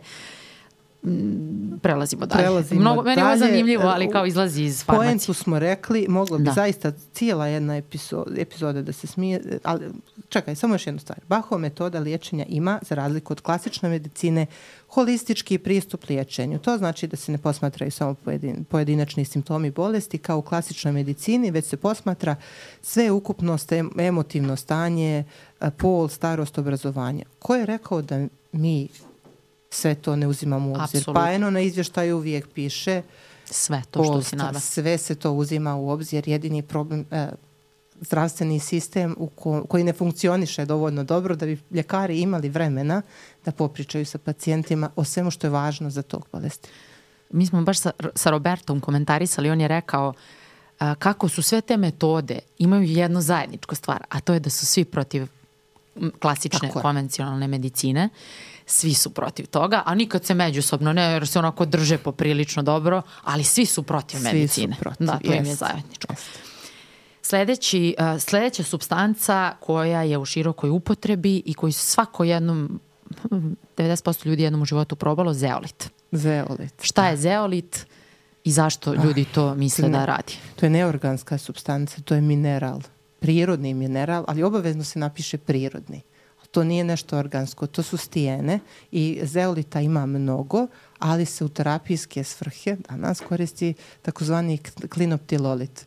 I sad kad biste vi gledali onu hemijsku formulu, to ima aluminijuma, silicijumima i meni je interesantno kako ljudi ne zaziru od upotrebe zeolita oralno, ali ako se vidi aluminijum u dezodoransu, to je katastrofa. Da, da.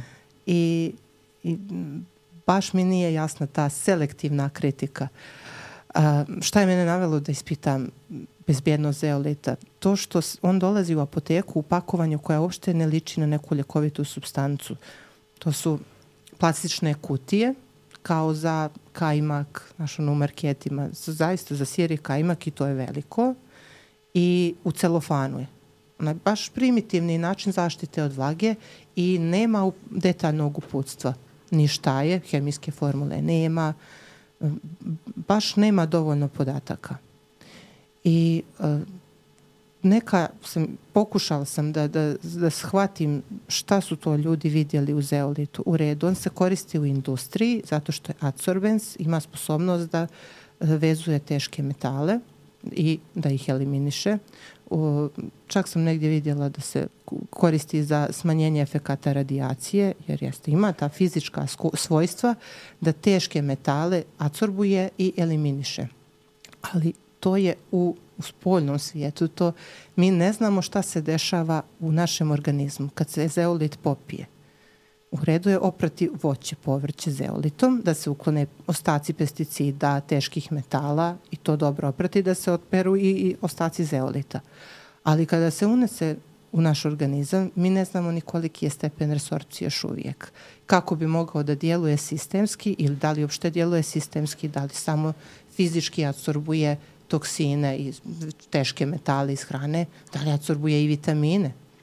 E, vrlo, vrlo je malo istraženo i koliko je bezbjedan i, koli, i koji su potencijalni uh, terapijski efekti. Tako da dok se to dobro ne istraži, dok mi ne budemo imali na tržištu jedan prečišćeni klinoptilolit, uh, tačno određenih fizičko-hemijskih karakteristika, ono, veličina uh mhm. -huh. čestice, dok to sve ne bude kristalno jasno šta, kako, koliko i za koga, ja to nikako ne bih koristila.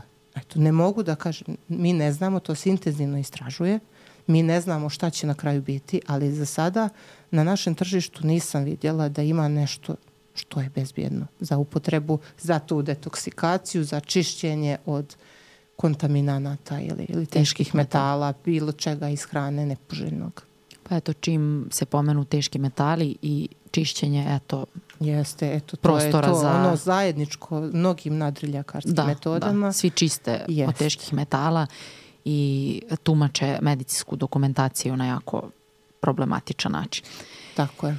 Ovu metodu si mi ti ubacila u glavu i od tad ne mogu da prestanem da se čudim, to je kambo. Mm -hmm. Lečenje otrovom džinovske majmun žabe pričali smo u epizodi o nadrilekarstvu, ali želim da ti u ovoj epizodi, pošto si je ti dosta istraživala, nam kažeš i koje su neželjeni efekti, a ja ću ukratko da ispričam jer sam fascinirana i dalje kako izgleda. Ja sam, uh, ja sam, ti, ja sam je otkrila, čini mi se, jer da. ne znam nikoga iz, od kolega koje je za to čuo prije mene. Da. Jer sam imala slučaj pacijenta koji je to koristio. E, pacijent i drugarica su išli na tretman jačanja imuniteta kambom. Da, hoćeš ti da nam ispričaš za džinovsku majmu žabu. Za džinovsku majmu da, žabu, brzo ću, kako ona se... izlazi u mraku. Tebi da, je to, aj, da, da, to mi baš je. Ti. da.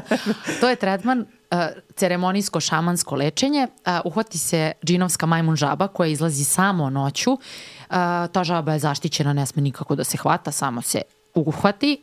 Uh, mislim, ne sme se kupi, ili tako da nešto. Kupi Uhvati se, uzme se otrov sa njenih e, ekstremiteta koji je ekstremno toksičan, uh mhm. -huh. otrovan tačnije, i onda se na koži osobe koja želi da se da poboljša pod znacima navoda svoj imunitet naprave opekotine, to sad zavisi koliko je šaman raspoložen pa napravi neki oblik uh mhm. -huh. i onda se stave tako na primjer tri tačkice, sprži se koža i onda se otrov nanese na to.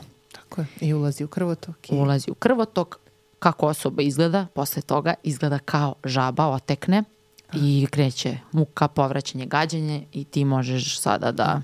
nastaviš. simptomi klasičnog trovanja, povraćanje dijareja, ali a, to može da se komunicira kao detoks. Je li tako? Da. Nije, ti, Ako se je, pobuniš... Jer ono što se dešava nakon intoksikacije, jer ti dobijaš otrov u svoj organizam, naravno organizam se od toga čisti i dolazi do jake reakcije imunog sistema. Svi ti prirodni eksudati, ono, izlučevine životinja i biljaka su jako kompleksne hemijski. I onda na mnoge strukture se uh, naš imunitet buni, stvara antitijela. I pretpostavljam da je to mehanizam jačanja imuniteta. To je jedna masivna reakcija na neki otrov, stvore se antitijela, ali se um, može desiti i sumnjamo na to da je baš kambo izazvao autoimuna stanja kod tih osoba sa kojima sam ja razgovarala o toj metodi jačanja imuniteta. I oni su svesni toga? Oni su, to, oni su e, u tom momentu kad smo pričali bilo je sumnje. Nisam sigurna da, su, da je to povezano 100%, ali da. Oni sami su mi rekli da sumnjaju da, Jer posle na toga. povezanost između kamba i reaktivacije autoimunog stanja ili, po, ili prvog javljanja Da, da, da, da. autoimune bolesti. Sad sjetit ćeš se, pričali smo o toj tankoj liniji između ekstremne stimulacije imunog sistema i autoimunih stanja. Veliko ne, to je metoda iz davnih, davnih vremena i mislim da čak nema smisla to ni dalje istraživati kad mi imamo vakcinaciju, kad imamo mnogo, mnogo bezbjednije metode jačanja Da. opšteg stanja organizma. Ne volim da kažem jačanje imuniteta, nego to je neko jačanje opšteg stanja organizma suplementima, pravilnom ishranom i tako dalje. Tako da za kambo nema budućnosti. Nema budućnosti, ali jako je rasprostranjeno čak i na našem tržištu i bilo mi je fascinantno kad si mi rekla i kao ma nema to kod nas, kad sam krenula da istražujem e, šok, ozbiljan šok. Šok. Na društvenim mrežama su ono, tretmani, čak su počeli da se snimaju, ljudi se hvale time što su radili, jedan naš poznati glumac je baš, To, tako to. sam i videla. On je i kao čoveče, nemoj to da radiš, pratete deca, pratete, lju, deca ga vole, klinci ga vole. E, to još nisam, e, to još nisam uspjela da shvatim. E, Sve te čudne metode obično promovišu jedni, Glumci. e, poznati uspješni ljudi u svom polju.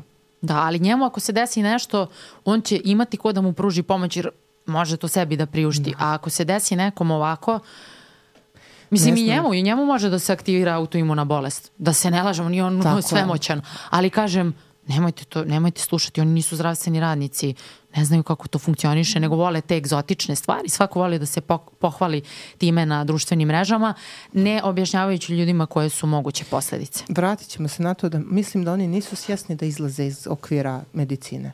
Oni ne znaju Da. je li to odobreno, nije odobreno. I tu je glavni problem.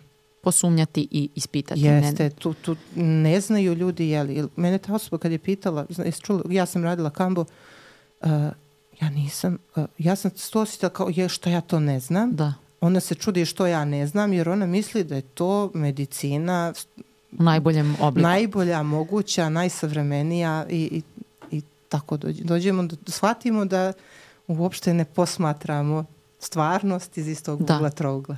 Da, ali to mi je, te sve stare metode, to su koristile razna plemena da bi se pripremila za lov. Oni su mislili da to da bi isterali zle duhove. I sad oni to provalili, ti šamani i, i kako već, vodiči ceremonije i izvolite, naplaćuju jako debelo, samo što danas nije vrijeme za to. Tako Imamo je. toliko drugih stvari. Ali da, to se je tad koristilo i tad mi imalo smisla pre ne znam koliko go, stotina godina. A da, u prašumi ti nemaš izbor. Da, da. Jel da? Da teraš zle duhove od sebe, ti zle nemaš životinje, izbor nego kako malo... da se osnažiš, ti se snalaziš kako znaš i umiješ, da. a danas mi zaista imamo izbor, možda i to problem, imamo previše, Previše izbora, izbora i da. previše nam je dostupno sve. E sad, kako mi da utičemo na, sve, na svu ovu problematiku koju smo danas navele? Navele smo baš dosta toga. Mhm. Ali kako bismo mogli da utičemo na to ovako kao pojedinci i kao struka? Kako da se borimo e, protiv sistemskih problema? Pa evo, kao struka, prvo bih to rekla, ti i ja smo farmaceuti. E, mislim da je najveći problem što mi nismo jednoglasni, mi nismo usaglašeni. Među nama ima pro, zdravstvenih profesionalaca koji su i antivakseri i koji sprovode nenaučne metode i aktivno ih promovišu i zbog toga su ljudi posebno zbunjeni. Kada bi se našao način da mi budemo složni, vjerovatno bi stanje bilo mnogo bolje. Ne mogu ja sad da predlažem šta da uradi Mhm. pojedinac iz opšte javnosti. Još uvijek to ne mogu, iako sam na predavanjima iz upravljanja infodemijom, ali je još rano da, da predlažem neke korake, jer to treba da oslušam, da integrišem, da se slegne.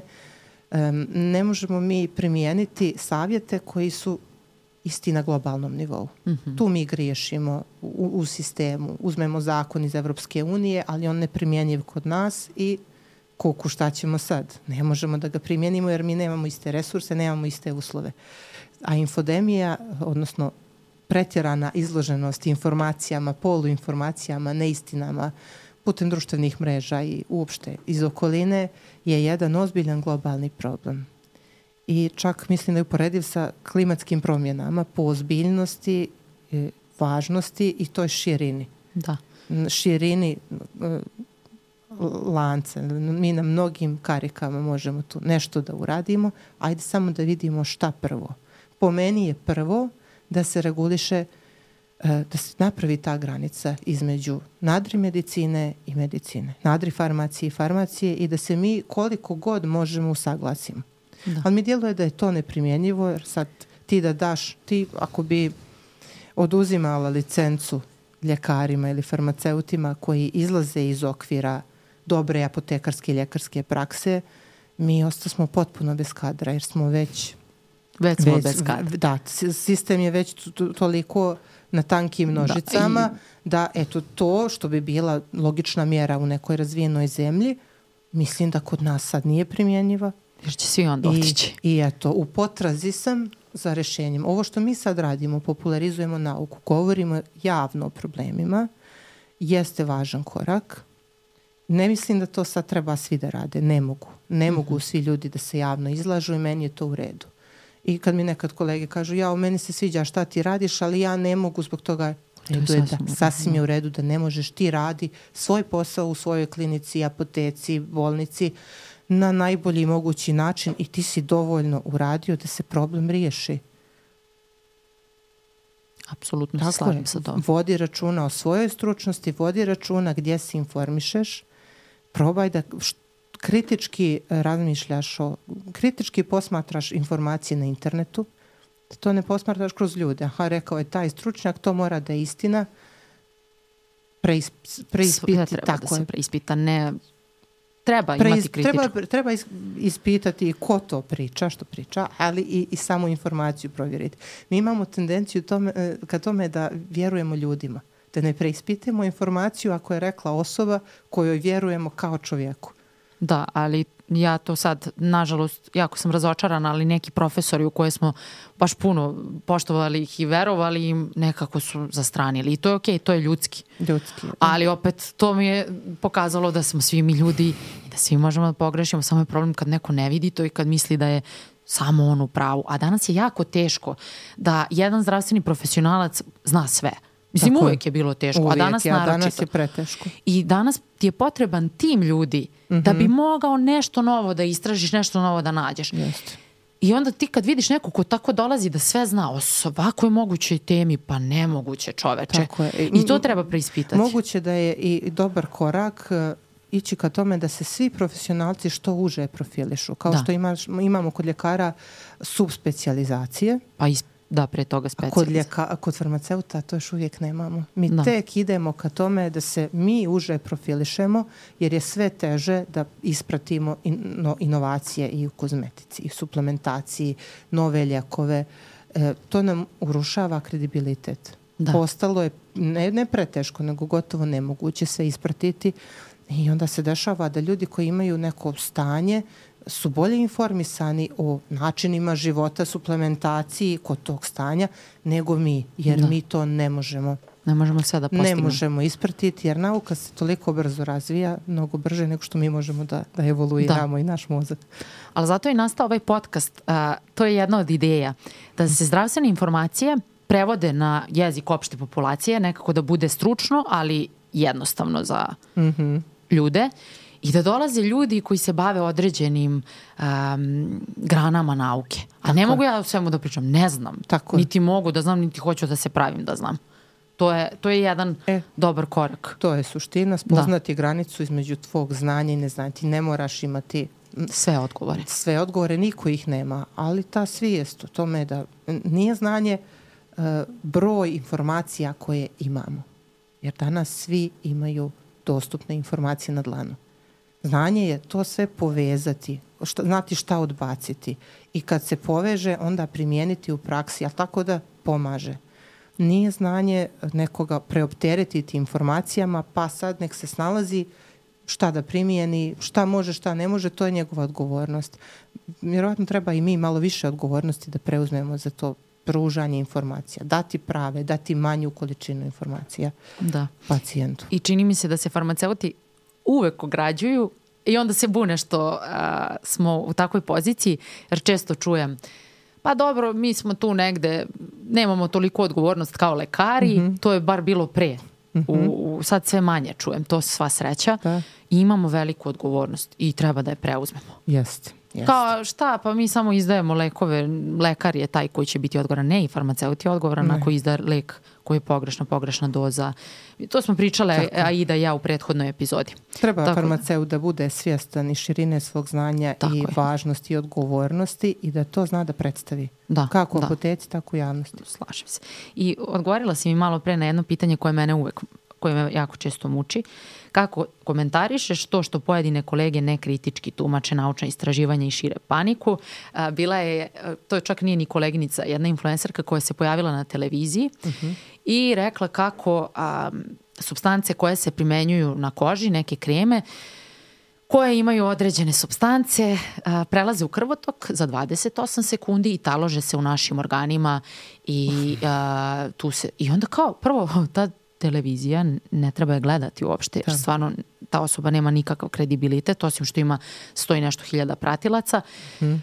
I tako neko lupetanje. Ja samo napišem komentar, ljudi, ovo nije tačno, nastalo je odatle i odatle. Taj mit je nastao iz jednog naslova a, naučne studije koje molim uopšte te, nije... Mit, molim te, budi asertivnija. Kom... Mitovi, neistine. A šta sam rekla? Lupetanje. Aha, pa dobro, ne mogu još uvek, ajde kad budem došla do toga. Ne, ne, ovaj, ja volim da nazivam stvari pravim imenom. Ali da. do ljudi će doći bolje onda ako je asertivno. Jel mada vidim ne da su ljudi... Ne znam, ne znam. Nije. Bolje dolazi napadački. Ali ja sam rekla, poštojem svačiji rad u smislu, poštojem influencer, in, influencerstvo. Da. Ali Čekaj, ne poštojem da oni, oni pričaju o svim temama Tako na je. televiziji. Ma i ovako, drži se svoje oblasti, da li je to kremice, meni se sviđa, ne sviđa mi se do tog nivoa. Da. Ne, da, smo, da nam prolazi tako kroz kožu, pa ne bi nas bilo odavno. Tako je. Svi bismo koža bili... je barijera, koža nije propustljiva Ne može membrana. da prođe za 28 sekundi, tačka, neću uopšte da ulazim detaljnije, ali to sam i napisala. Pa da, ima substanci koje će proći u krvotok, znaš, sjećaš se transdermalnih flastera, da se to posebno formuliše I da se posebno oslobađa. Jeste. I da jetra, dođe to i do jetre. Jetra Jeste, to prerađuje, ne taloži se sve tako lako u organizmu kao što oni to, to To je definitivno mit da sve što mi nanesemo na kožu ulazi u krvotok i taloži se u organizmu, to je definitivno mit. A ima nijansi, formulacije, molekulske mase, nećemo, nećemo, nećemo komplikovati, sad, da. ali da nešto iz kozmetike može doći u krvotok, to stoji. Da. Nešto Ali šta je to nešto? Treba da budete kozmetolog, farmaceut da biste znali. Da. A ne korisnik, a ne korisnik kozmetike koji je plaćen da o toj kozmetici priča iz ugla korisnika. Da, i neko ostane to priča u tom. Legalno je da. da pričaš iz ugla korisnika, aha, sviđa mi se kako se razmazuje, uh, kakav osjećaj i kako hidrira, ali preko toga zamolila bih influencere da ne komentarišu. Tako je. Ok, za kolege, da li imaš nešto da dodaš? Mada lepo si jako objasnila u prethodnom pa to, izlaganju. To, ne, ne bih znala kako to da se spriječi, toga ima i posebno je opasno kada se kolege javno izlažu, a šire pretjeranu paniku, e, kao što to rade i mediji. Komentarišu neka istraživanja koja još uvijek nisu došla do konačnih zaključaka. Da, ili izvuku iz konteksta ili nešto. Ili izvlačenje iz konteksta i imam utisak da to ne rade namjerno, mnogi od njih. Da, da ne rade Oni su mi onda u rangu sa ovim influencerima. Jeste. I možda ja i ne umijem to da procijenim ko radi namjerno, radi publiciteta, ko sam nije osvješćen. Uh, ne znam šta je rešenje za to. Voljela bih da, da je mm. jednostavno i da ga ima. Nemam ga, nemam odgovor na to. Da, pa i onda ljudi moraju da preispituju čak i to. Jeste. I sad svi smo mi pod, ne jednom, nego pod deset lupa. Da, Ja, šta ja kažem, to će svi da provjeravaju, da. jer ne pričamo svi mi farmaceuti isto. Mhm. I sad im je, sve, sve je ljudi, što nas se više pojavljuje, sve im je manje jasno. Da, ali me mnogo nervira kada uh, zdravstveni radnici zbog viralnosti uh, tako neke stvari komentarišu i tačno vidiš kad je nešto samo da postanu popularni. Vidi se, jednostavno se vidi. To je to. Polako. Mhm. Ima i toga. A ima i ljudi koji veruju u te svoje izvučene stvari iz konteksta. Tako je. Veruju i onda ćemo, nadam se, shvatiti vremenom. Da. Da će ljudi shvatiti, to mi je bitnije. Da li će to osoba ili neće, to me ne zanima, samo da To ljudi već procene. nije naša odgovornost. Da, da.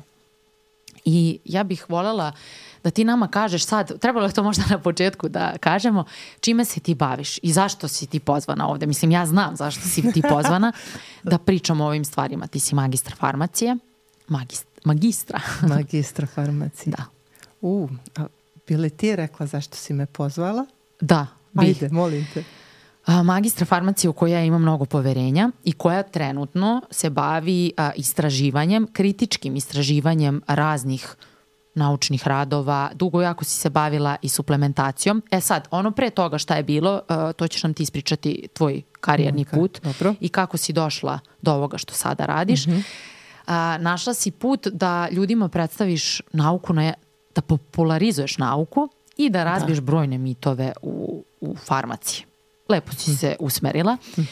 A, to je onako ukratko, ja šta bi rekla da ne pravim sad ovde hvalospeve, ali znaš da te jako poštujem i cenim kao farmaceuta i kao osobu.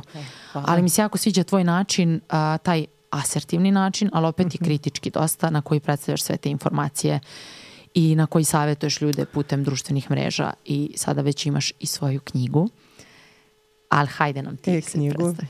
E, pa hvala ti, Saška. Uh, malo sam se naježila. Ma, Ja sam farmaceut sa radnim iskustvom u apoteci, a sa mnogim praksama i interesovanjima kao ostalim oblastima farmacije.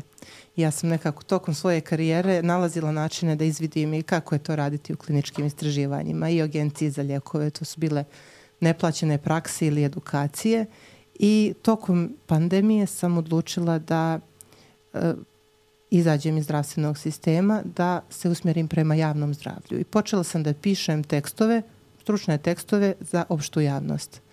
I tako je nastao moj Instagram profil, tako su nastajali tekstovi kroz ove dvije i po godine od kako to radim, ali me je posebno fasciniralo ovo, da ti, o- ova činjenica da je danas moguće bilo koji proizvod prodavati na internetu pod sloganom uložite u svoje zdravlje. I sve ublažava anksioznost i sve je dobro za zdravlje, od šerpe do naučara do drvenih Sve privezaka. ono što se nalazi na pijaci onaj u Tako je, snimku. zato što je zdravlje jedno sveopšte blagostanje. I zaista jeste sve važno za naše zdravlje. Ali mi je smetala ta komunikacija. Proizvod, pa u, u marketingu se pominje i migrena i anksioznost i nesanica. Sve. Jeste, baš se cilja na one naše strahove od bolesti i u jednom trenutku mi je došla ideja, aha, sad ću ja da skupim svoje tekstove u e-knjigu i ta će knjiga moći da se koristi za liječenje proširenih vena ako se čita u ležećem položaju sa podignutim nogama, protiv anksioznosti, umora, jer legneš, odmaraš, čitaš. E, plus svi kažu da su moji tekstovi vrlo lagani za čitanje, iako se ne bi reklo da je tema lagana, ali ja tu nekako upakujem da je pitko i ponosna sam na sebe zbog toga što je pitko, što je asertivno, što nikog ne vrijeđam, a trudim se da ukažem na ozbiljne probleme u društvu koji se zovu stručno infodemija. I tako sam nazvala svoju knjigu Farmaceutska mitologija.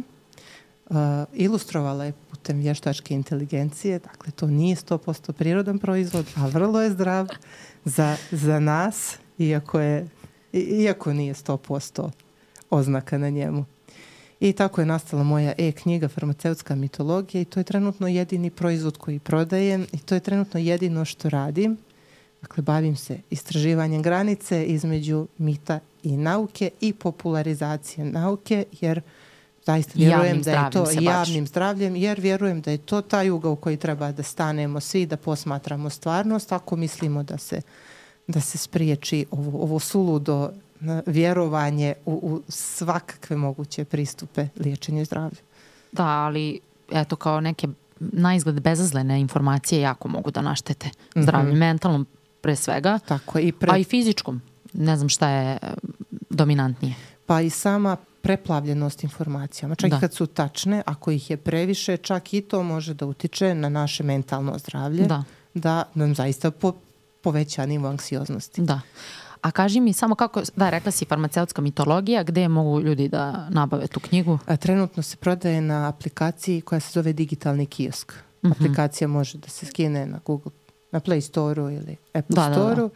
i tu ima sekcija e-knjige i u toj aplikaciji je moja knjiga, a mogu me kontaktirati i direktno preko Instagrama Milica Lalatović, vrlo jednostavno, bez tačke, moje ime i prezime, Odlično. Ja sam pročitala knjigu i baš tako mhm. kao što si ti rekla, pročitala sam je u jednom dahu i oduševila sam se načinom pisanja i imala sam neke favorite tada, a to je bio Carevo kvantno odelo. Mm -hmm. To je bilo, a, to mi se baš, baš, baš dopalo. I za Germaniju mi je bilo jako, jako. Sve su mi bile interesantne, ali ovo znam da sam ti baš mm -hmm. i mhm. rekla kad sam ti se. davala povratnu informaciju.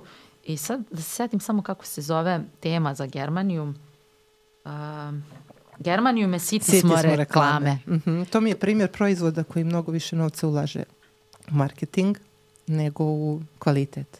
Da. I to me je nerviralo. Mislim da to sve farmaceute nervira. Da, i uh, još se sećam kad sam bila 5, 6, 7 godina, ima možda i više, toliko su reklamirali taj proizvod. Svaka baka i deka su kupovali to. Pritom mm -hmm. cena je bila Pola njihove penzije. Da. Pola penzije su ljudi I onda kao i ti to. pogledaš, ako nemaš vremena da istražuješ kao, ma daj, mora da je dobro. Mislim, naravno da ne, sva sreća imamo kritičko razmišljanje, ali Germanijum. Mm -hmm. Ako želiš, možemo neke samo... Da, pa on se ne zove Germanijum. On se zove, smijemo li da pričamo to? Da, da, da. E, naziv proizvoda je G132.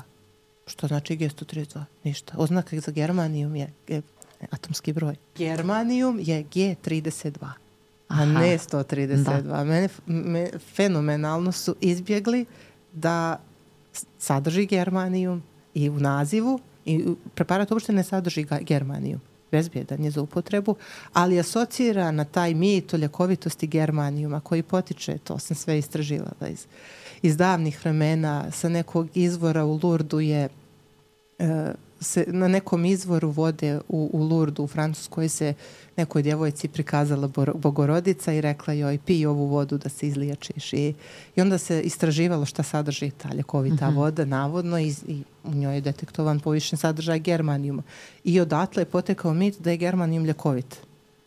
Pa se saznalo u ovom vijeku da može biti vrlo toksičan i Američka agencija za hranu i ljekove ga je zabranila za prometovanje u Americi i tamo je navela sve proizvode koje, koji sadrže germanijum i apsolutno zabrano je stavila na upotrebu u svrhe liječenja i prevencije bolesti.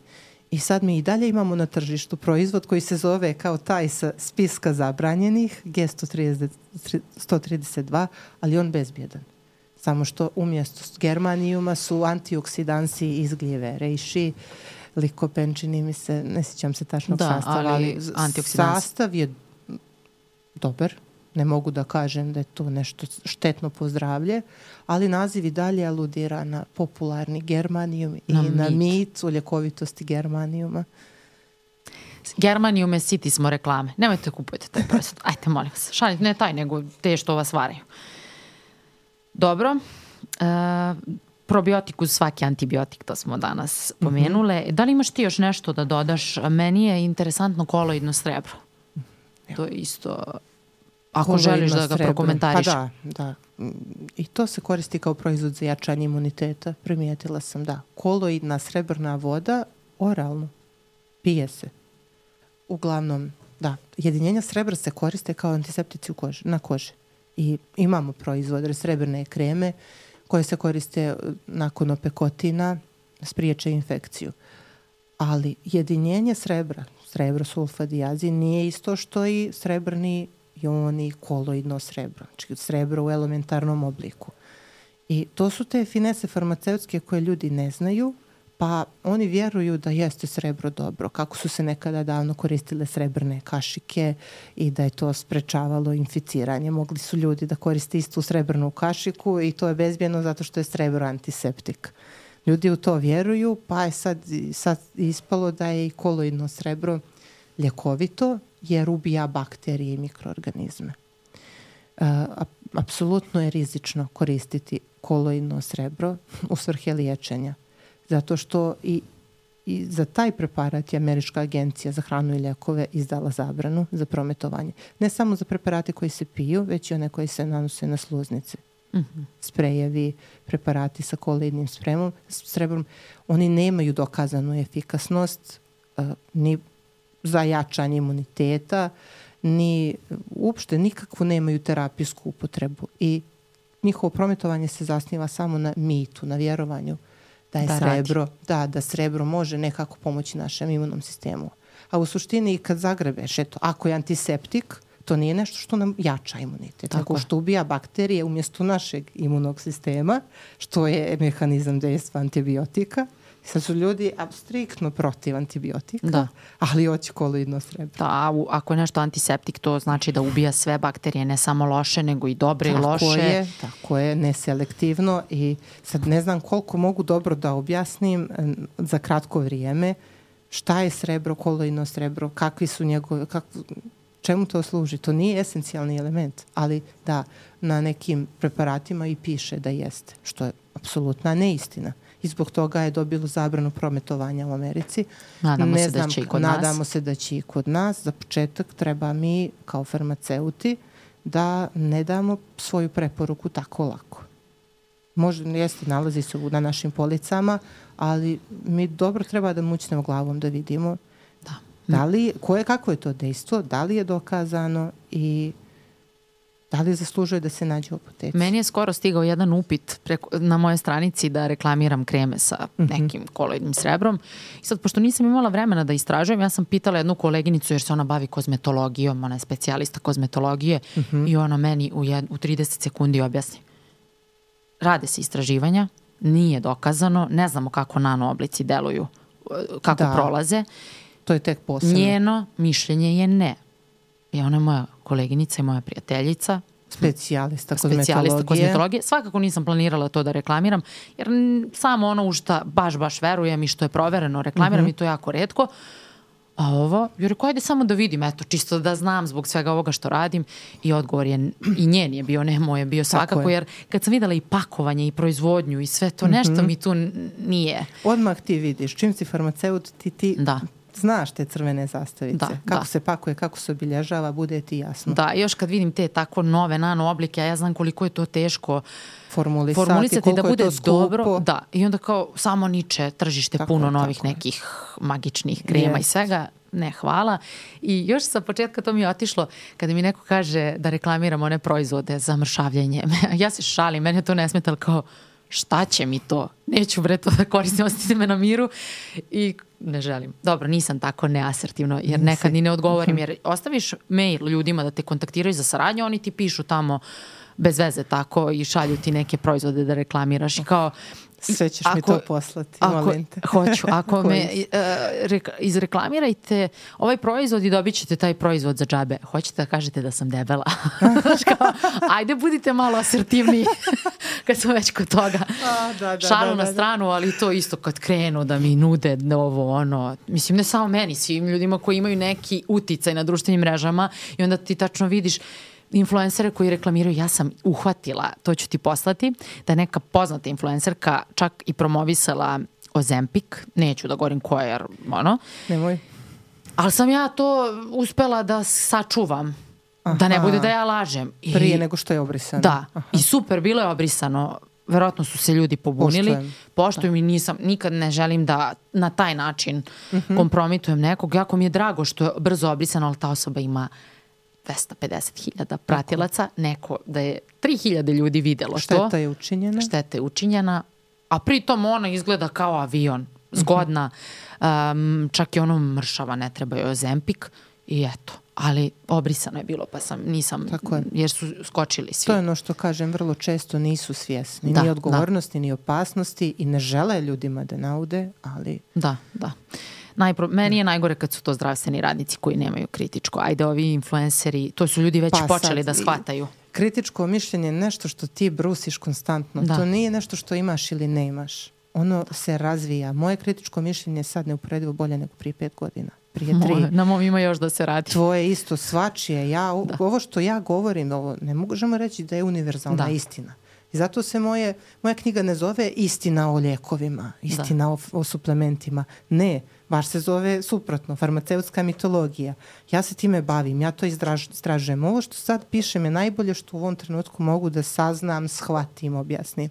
I zato je u e-formi. Da, da, dok se Biće, ne... E, kad budeš, ako nekad bude štampana, ono, ja to ne mogu da zamislim. Biće, biće. Znaš, da, ja... Morat će da se update-uje kao verzija 2021. druge, treće, pa četvrte. Pa da, update, ali to je to, konstantna potraga za novim informacijama, za istinom. Da, ali mm. bukvalno zamišljam kao da imaš svoju emisiju, znaš ona što ima Mythbusters, tako sam i nazvala ovu epizodu, ja u svojoj glavi. E pa to sam ja.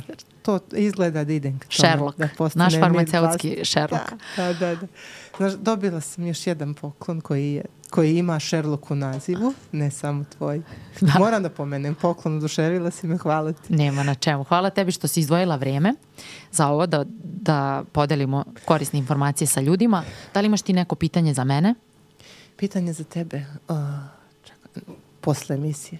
Posle emisije, odlično. A, treba mi materijal za razotkrivanje mitova. Da, Neću to da, to ću ti slati. Ne želim da, da da, da, si, da si izlažeš, da to otkrivamo. Ko su ljudi koji su Naravno. ti se javljali. Eto, to, to bi bilo moje pitanje. ti da možeš ti da istražiš da, bih, da bi mogla posle da komentarišeš. Tako je, tako je. To mi treba od tebe.